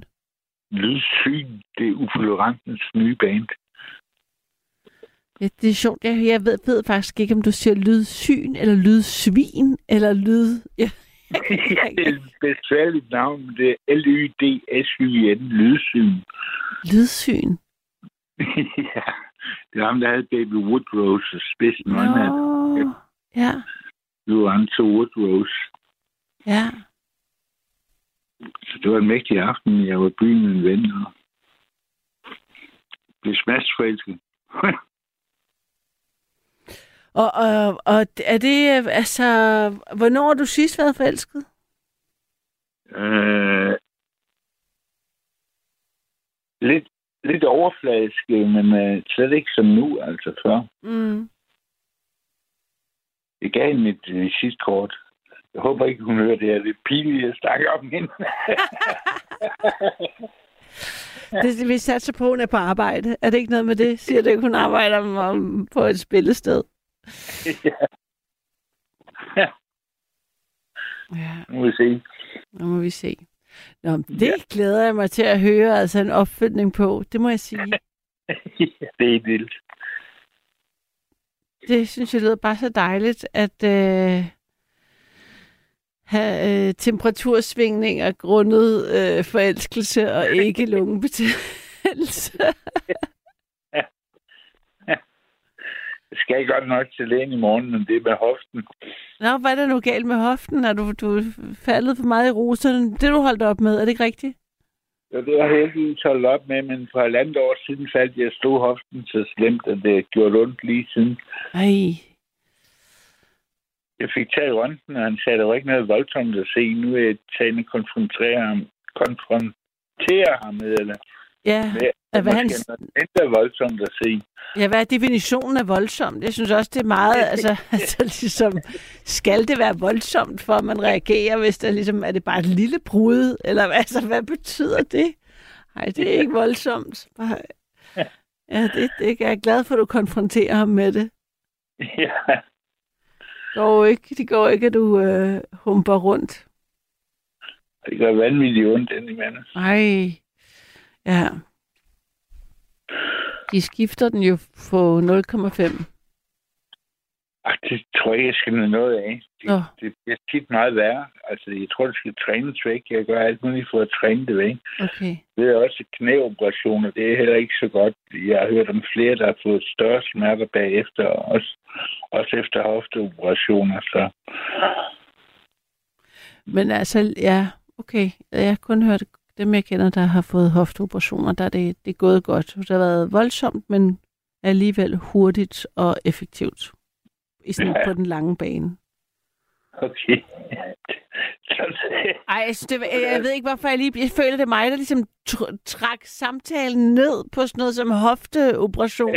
Vi var oppe i sådan noget helt højt med øh, bryllupper og afbud og den store kærlighed, og så sådan noget nyforelskelse og sjov og forår, og så vi, vi blev, det var... Jeg, jeg, jeg, tager den, jeg tager ansvaret for det, Mark. Det var, det var mig, der blev lavpraktisk der. Jeg vil bare, jeg, men jeg vil sige, øh, altså, om altid en fornøjelse at uh, tale med dig, og god tur i byen, altså jeg håber på det bedste. jo, tak i lige måde. Og, og, og jeg håber, at du vil, fø, altså, at øh, jeg får en opfølgning på det her, på en eller anden måde. Ja, jeg er stjerne forelsket. Fedt. Var det godt? Jeg Det synes jeg, jeg synes, det er for få, der er, det, det, er for, det, for, det er for få, der siger det i nattevagten. Det bliver jeg bare nødt til at sige. Ja, det er anden gang, det. Har du sagt, var, var du igennem sidst, hvor du også sagde det, eller hvad? Har du, har du allerede sagt det i nattevagten? Jeg har sagt det til Julia, ja. Ah, mener. Men det gør, det, det, det, øh, det kan man ikke sige for meget. Okay, så er jeg tilgivet. Ja, jeg tænker også, det er et godt tegn på, at du er forelsket, og den er god nok, fordi det, der siger man jo også meget det samme igen og igen. ja, hele tiden. Ja. Ha, godt, Mark.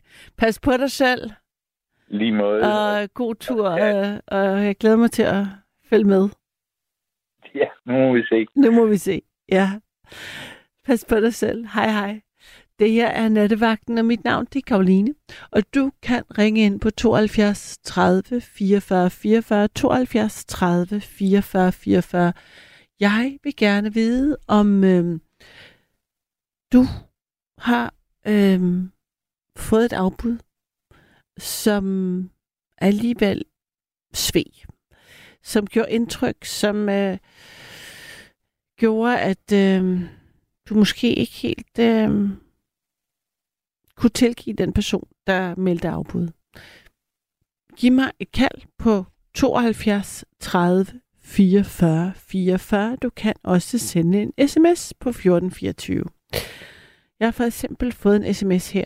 Dags Karoline, desværre måtte jeg melde afbud til min mormors undskyld, begravelse, fordi corona var i høj gear, og det er jeg godt nok ked af, selvom jeg alligevel fik fikset, så jeg var med i kirken gennem telefonen. Ha' det rigtig godt alle sammen. Mange knus, Christina. Ah, så det var også fedt her, og der er en, der selv har meldt afbud, der øh, kommer på banen her. Det, det kan jeg godt lide, at vi på den måde, altså der er flere sider af afbuddet, der er i spil. Så det åbner op for måske øh, endnu flere, der kunne finde på at give os et kald på øhm, 72 30 44 44. Jeg glæder mig til at høre fra dig.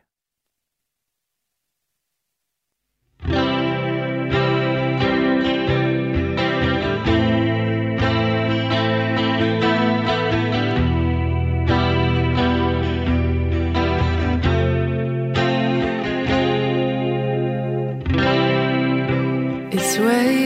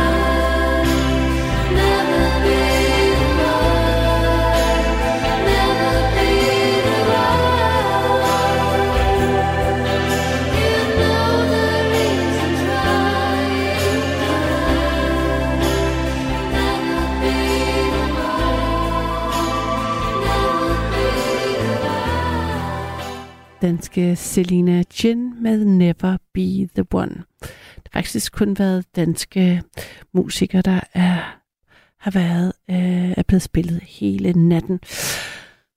Det her er Nattevagten. Mit navn er Karoline, og i nat taler vi om afbud. Om øh, du har prøvet at få et afbud, som har gjort dig ked af det, eller som har betydet noget særligt svært, eller måske har du måtte melde afbud. Den, den, det, det vil jeg også gerne høre om. Jeg har en lytter med. Hej. Ja, hej Karoline, det er Birgitte. Hej Birgitte. Hej.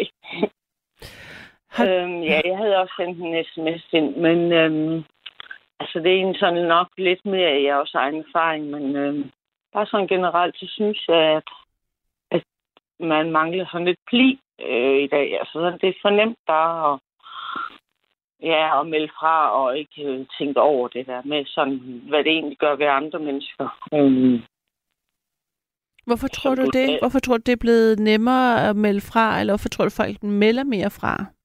Jeg ved ikke, jeg synes, jeg synes folk er blevet sådan lidt mere selvoptaget, eller sådan, tænker ikke så meget over det her, at øh, nu også som tiderne er nu her, også med corona og alt det her, mange har siddet selv, og Mm.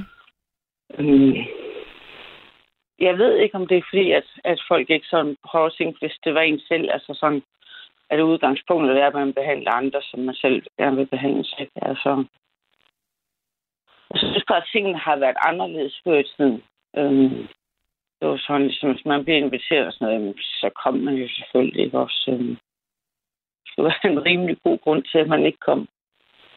Og, og hvad tænker du på det der med, at altså, at komme, hvis man ikke har lyst, eller er træt, eller sådan, hvis der er et eller andet, hvor man ligesom ikke føler, man er godt selskab? Altså, er det ikke også ligesom Jo, dårligt for Jo. alle? Jo, men det er det. Øhm, og altså, jamen, jeg kan bare tage min egen erfaring og sådan, altså, der begyndte jeg sådan for nogle år siden at, at vælge de folk fra. Øhm, øhm, hvis jeg opdagede, at, at der var, jeg havde sådan i mit netværk, fordi det, øhm, jeg synes, det sover mere end, end, og selvfølgelig gør det ondt, at man er nødt til at erkende det, men mm. man skal jo heller ikke tvinges til at være sammen, hvis ikke man har lyst til at være der, vel? Altså, som jeg plejer at sige, så skal jeg gerne være den første til at holde døren i hvert fald.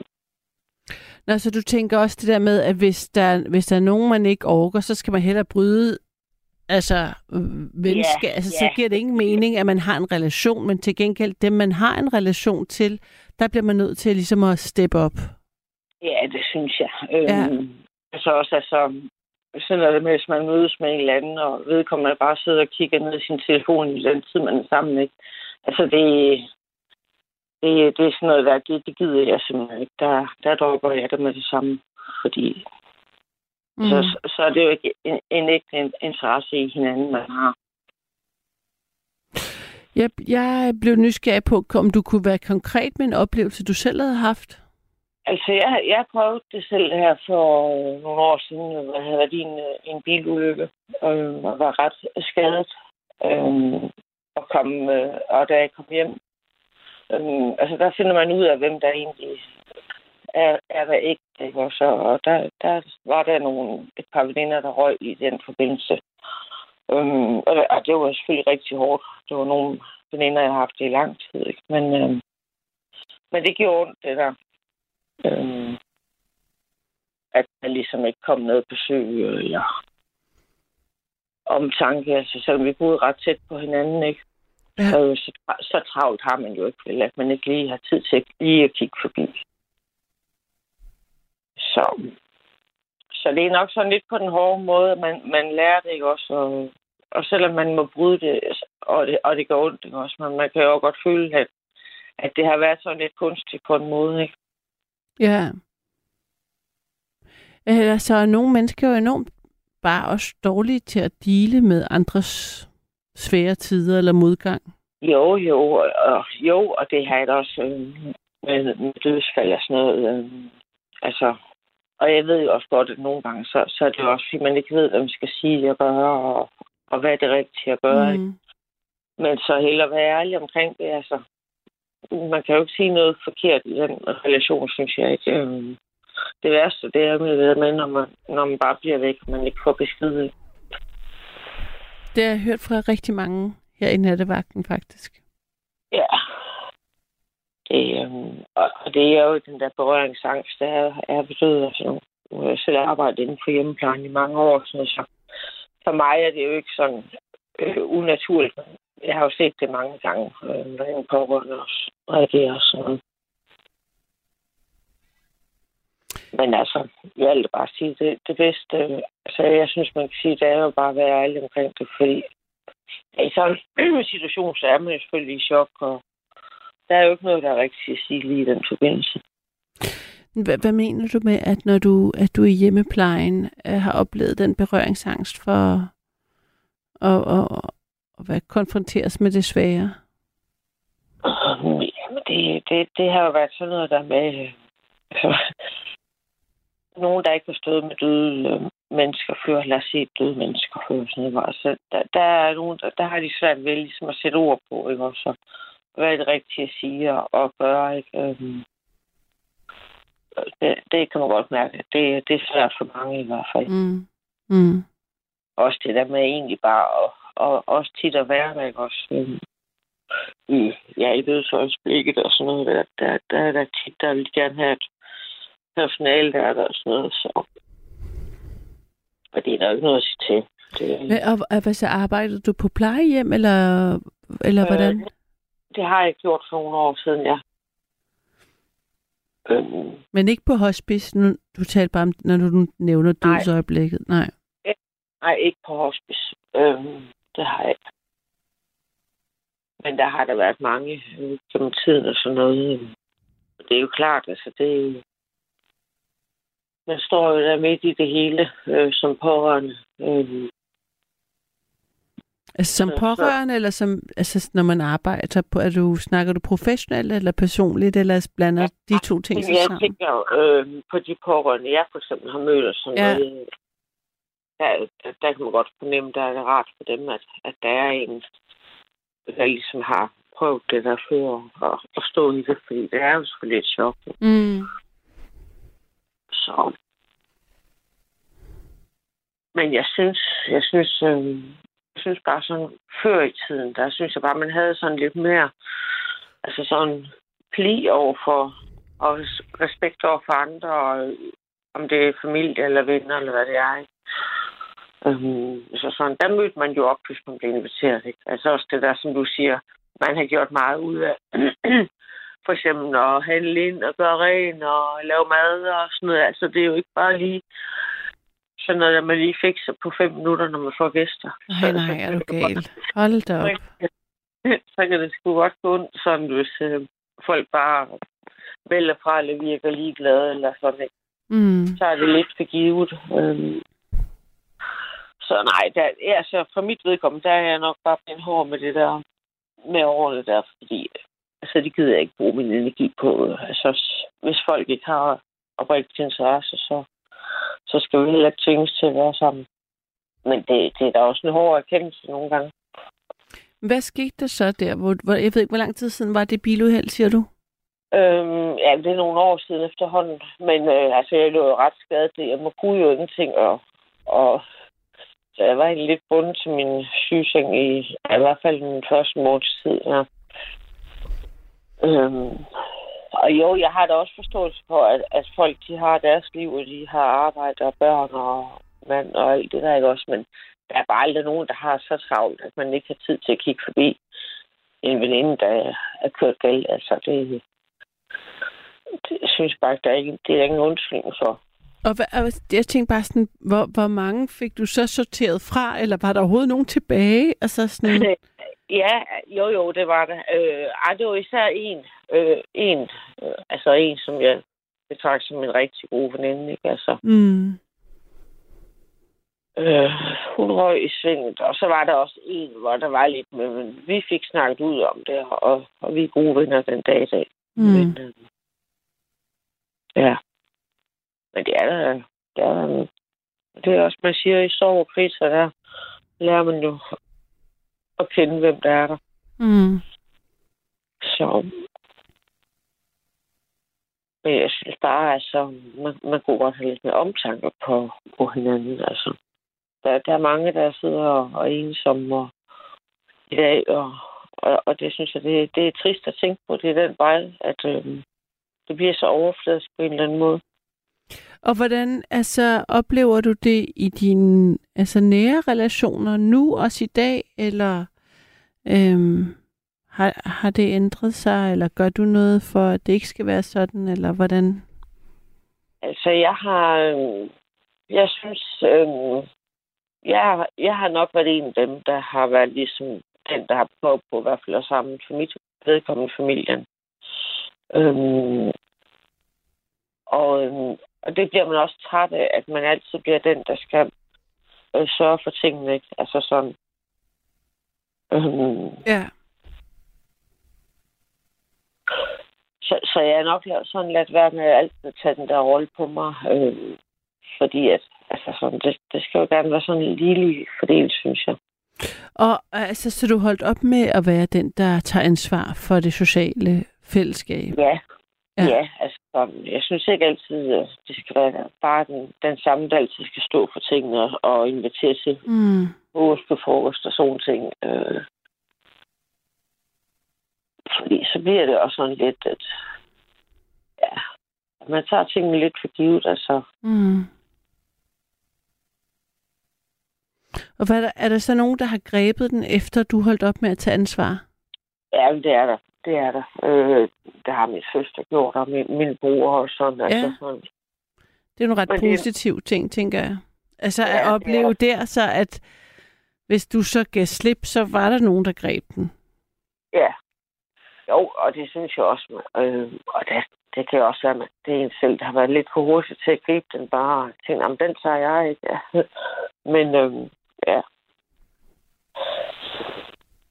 Jeg synes i hvert fald bare det der med, når, når man er sammen og sådan noget, ikke også, så, så synes jeg også, så skal det også være et. Altså, så, ellers så, Mm. ja, ellers så vil jeg hellere egentlig bare være med dig i selskab.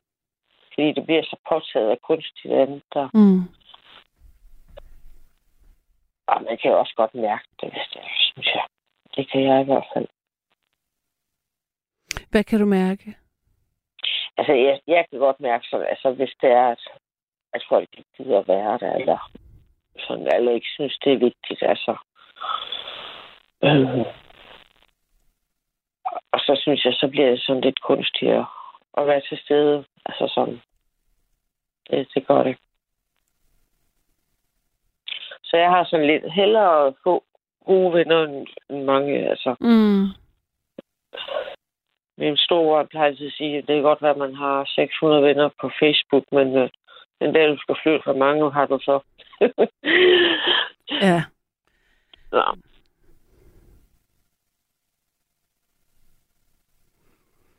Men det er jo altid... Øh... Altså, så, og så er der dem, man tror, man har, som du også oplevede, og så var det så, du stod i en krise med den, det biluheld, og så var der lige pludselig... Øh... Ja, Lidt og så, nogle man kan jo også godt se, øh, altså dem, som man ikke sådan lige havde forventet, mm. ville springe til, ikke? og som så springer til, ikke? og det, det, det oplevede jeg så også. Altså, det var da også meget positivt, egentlig. Ja. Så, så ja, altså det er, det er det der med, altså, alle kan jo ramme bunden og sådan noget, ikke? også øh, på en eller anden måde. Øh, og, og der finder man i hvert fald ud af, hvem, hvem der er der, og hvem der ikke er der. Så Mm. Ja, um, så har, har du nogensinde meldt afbud til noget, hvor du har sådan efterfølgende tænkt, ups, det skulle jeg ikke have gjort? Øh, Eller har gjort nogen ked af det ved ikke at være der? nej, synes jeg ikke. Det synes jeg ikke. Øhm, altså, det kan da godt være, at man har haft det sådan lige, inden man skal afsted. Åh, og det her, det bliver en lang dag eller et eller andet. Der vil man skal i det stive pus, ikke? Mm. Øhm, sådan. Men altså, der skal man jo også bare tænke på, hvis det var en selv, ikke? Altså, hvor skuffet man vil blive, alt efter, hvad det lige er, Mm. man er Mm. til. Og altså selvfølgelig, alle kan jo blive syge, eller der kan ske et eller andet, der kunne det ikke også, men øh, jeg synes også bare, altså, jeg synes bare, det er respektløst, det der over for, for en vært, der står måske og har tilberedt en øh, og været i gang en hel dag, og, sådan, og så man ikke lige, Ja, ligesom lige øh, er til stede, når det er, ikke? ja. Nå, men altså, tak for dit input, uh, Birgitte. Jeg vil se, om jeg kan nå en sidste lytter i de Ja. sidste minutter. Ja, det er bare i orden, og tak for et godt program. Nå, men tak, fordi du var med til at lave det. Så godt, da du når dig til. Det her er nattevagten, og jeg hopper direkte videre til en ny lytter. Er det Erik? Ja, hej og god aften. God aften. Har du fået et afbud, som du ikke kan glemme? Ja, det, det er knap så personligt, men, øh, men det er jo et afbud, eller det er nogle afbud, som jeg kan huske. Mm. Øh, vi, øh, det, var, det var sådan øh, lige i starten af nul, nej, i midten af nullerne, må det være. Ja. Øh, der var jeg med til at arrangere sådan et møde for nogen, der hedder de jordløse bønder fra Brasilien. Mm-hmm. Og øh, så har vi øh, så har vi inviteret en hel masse øh, folketingspolitikere Ja. til det møde også. Ja. De- De var kommet, der var fire. De de var på sådan en slags Europaturné, for at de ville gøre opmærksom på deres sag. De fik frataget deres jord af regeringen og godsejer og, og alt muligt. Altså, det var rigtig uretfærdigt, det de var ude for. Og der er mange. Og var det sådan en oprindelig folk-problematik? Altså, var det sådan noget?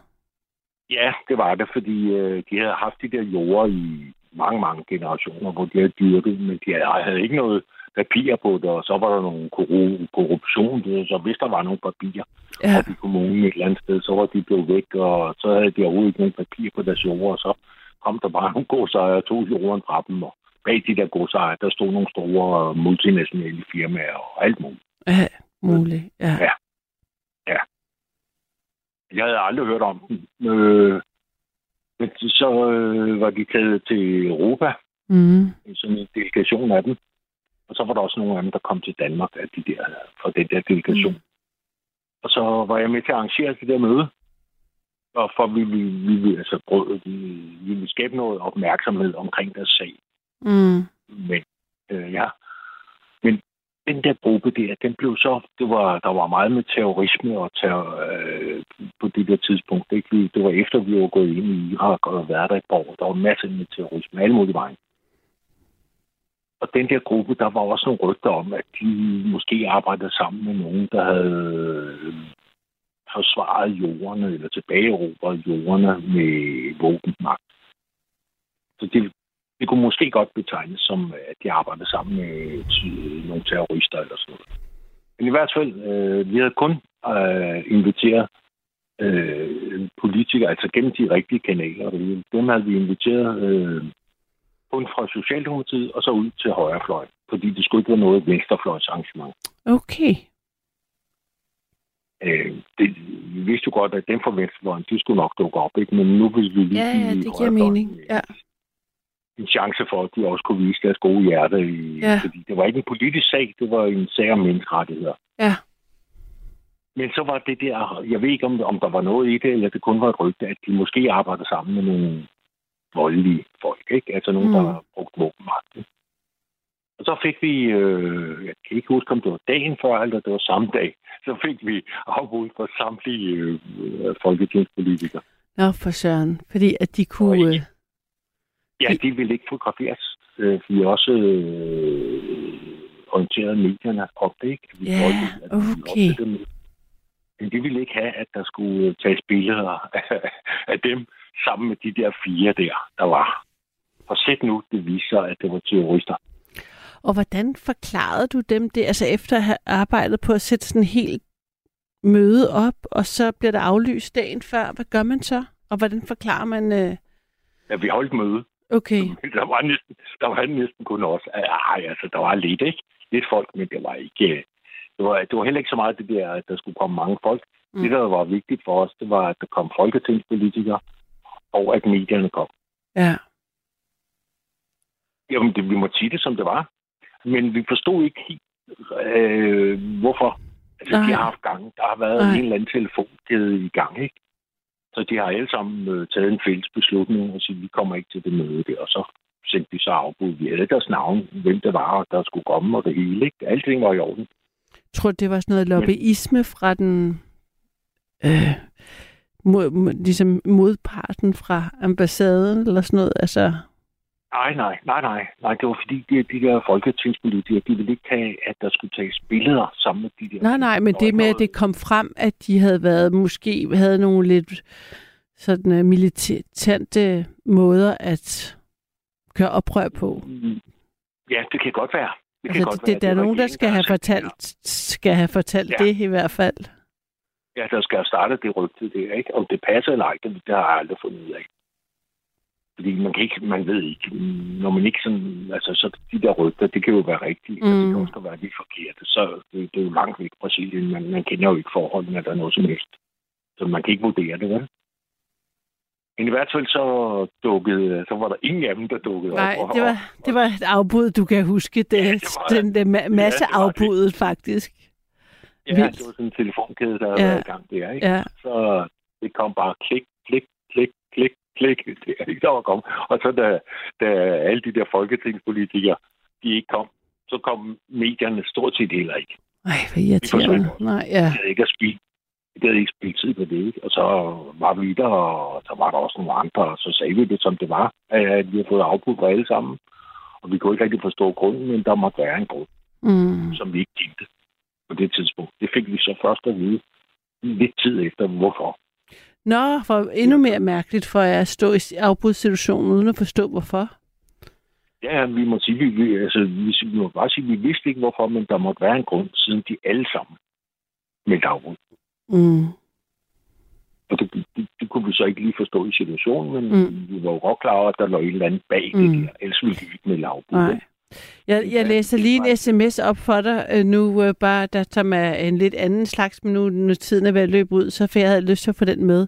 Der er en, der skriver her, jeg har været gift med en mand, der aldrig overholdt aftaler, hvilket jeg i, længere, i længden ikke kunne leve med. Så da jeg mødte en mand, der efter kort tid ikke kom til en aftale, erklærede jeg, at hvis det var betingelsen ikke at kunne regne med aftaler, så ville jeg hellere være fri. Og det blev jeg. Øh, Jeg ved ikke, om Hvad siger du til det? Altså det der med at have oplevet, her der snakker vi om afbud i privaten. Altså en, der har oplevet at være øh, gift med en, der bare hele tiden meldte afbud. Eller ikke kom til det, de havde aftalt. så skulle det overføres til en anden. Ja, så blev, tror jeg, hun blev skilt, ikke? Og så møder hun en anden en, og så på date nummer tre, så dukker han ikke op, eller kommer for sent. Så var hun sådan lidt, det der, det skal jeg ikke så- prøve igen. Så viderefører hun kontoen til en fin. Ja, altså, ja, jo, han fik i hvert fald en meget kort øh, sådan, øh, Ja, line. det, det er måske første gang i hele sit liv, den person kommer for sent. Ikke? gud, ej, det håber jeg ikke har været tilfælde, hvor, hvor hårdt. Nå, Ja. Men altså, er- sådan kan det jo gå. Altså, ens livserfaringer bare gør, at ens lunde bliver kortere på visse punkter, i stedet for, Ja, er. og at den bliver længere. Nå, men jeg hvert kan... så, så sad vi og tykke lidt på den der, ikke? Og så ja, var sgu det tryk. Og ja, der blev ikke rigtig noget det der. Der, det fik aldrig rigtig råbt op om deres sag. Det Nej, nej. Jeg, vi har 45 sek- vi har 15 sekunder ja. tilbage. Jeg følte, vi var færdige ja. med den der. Jeg forstod, ja, vi synes, du havde afrundet den godt. Det var derfor, jeg gik videre til, Ja, ja, det noget, til noget afbrudt, nyt. Men, Og- men, men, men det er jo mig lidt af det der afbud, fordi... Ja, så men Erik, den er, tiden er gået. Så hej. godnat. Hej. Du har lyttet til en podcast fra Radio 4. Flere episoder i vores app, eller der, hvor du lytter til podcast. Radio 4 taler med Danmark.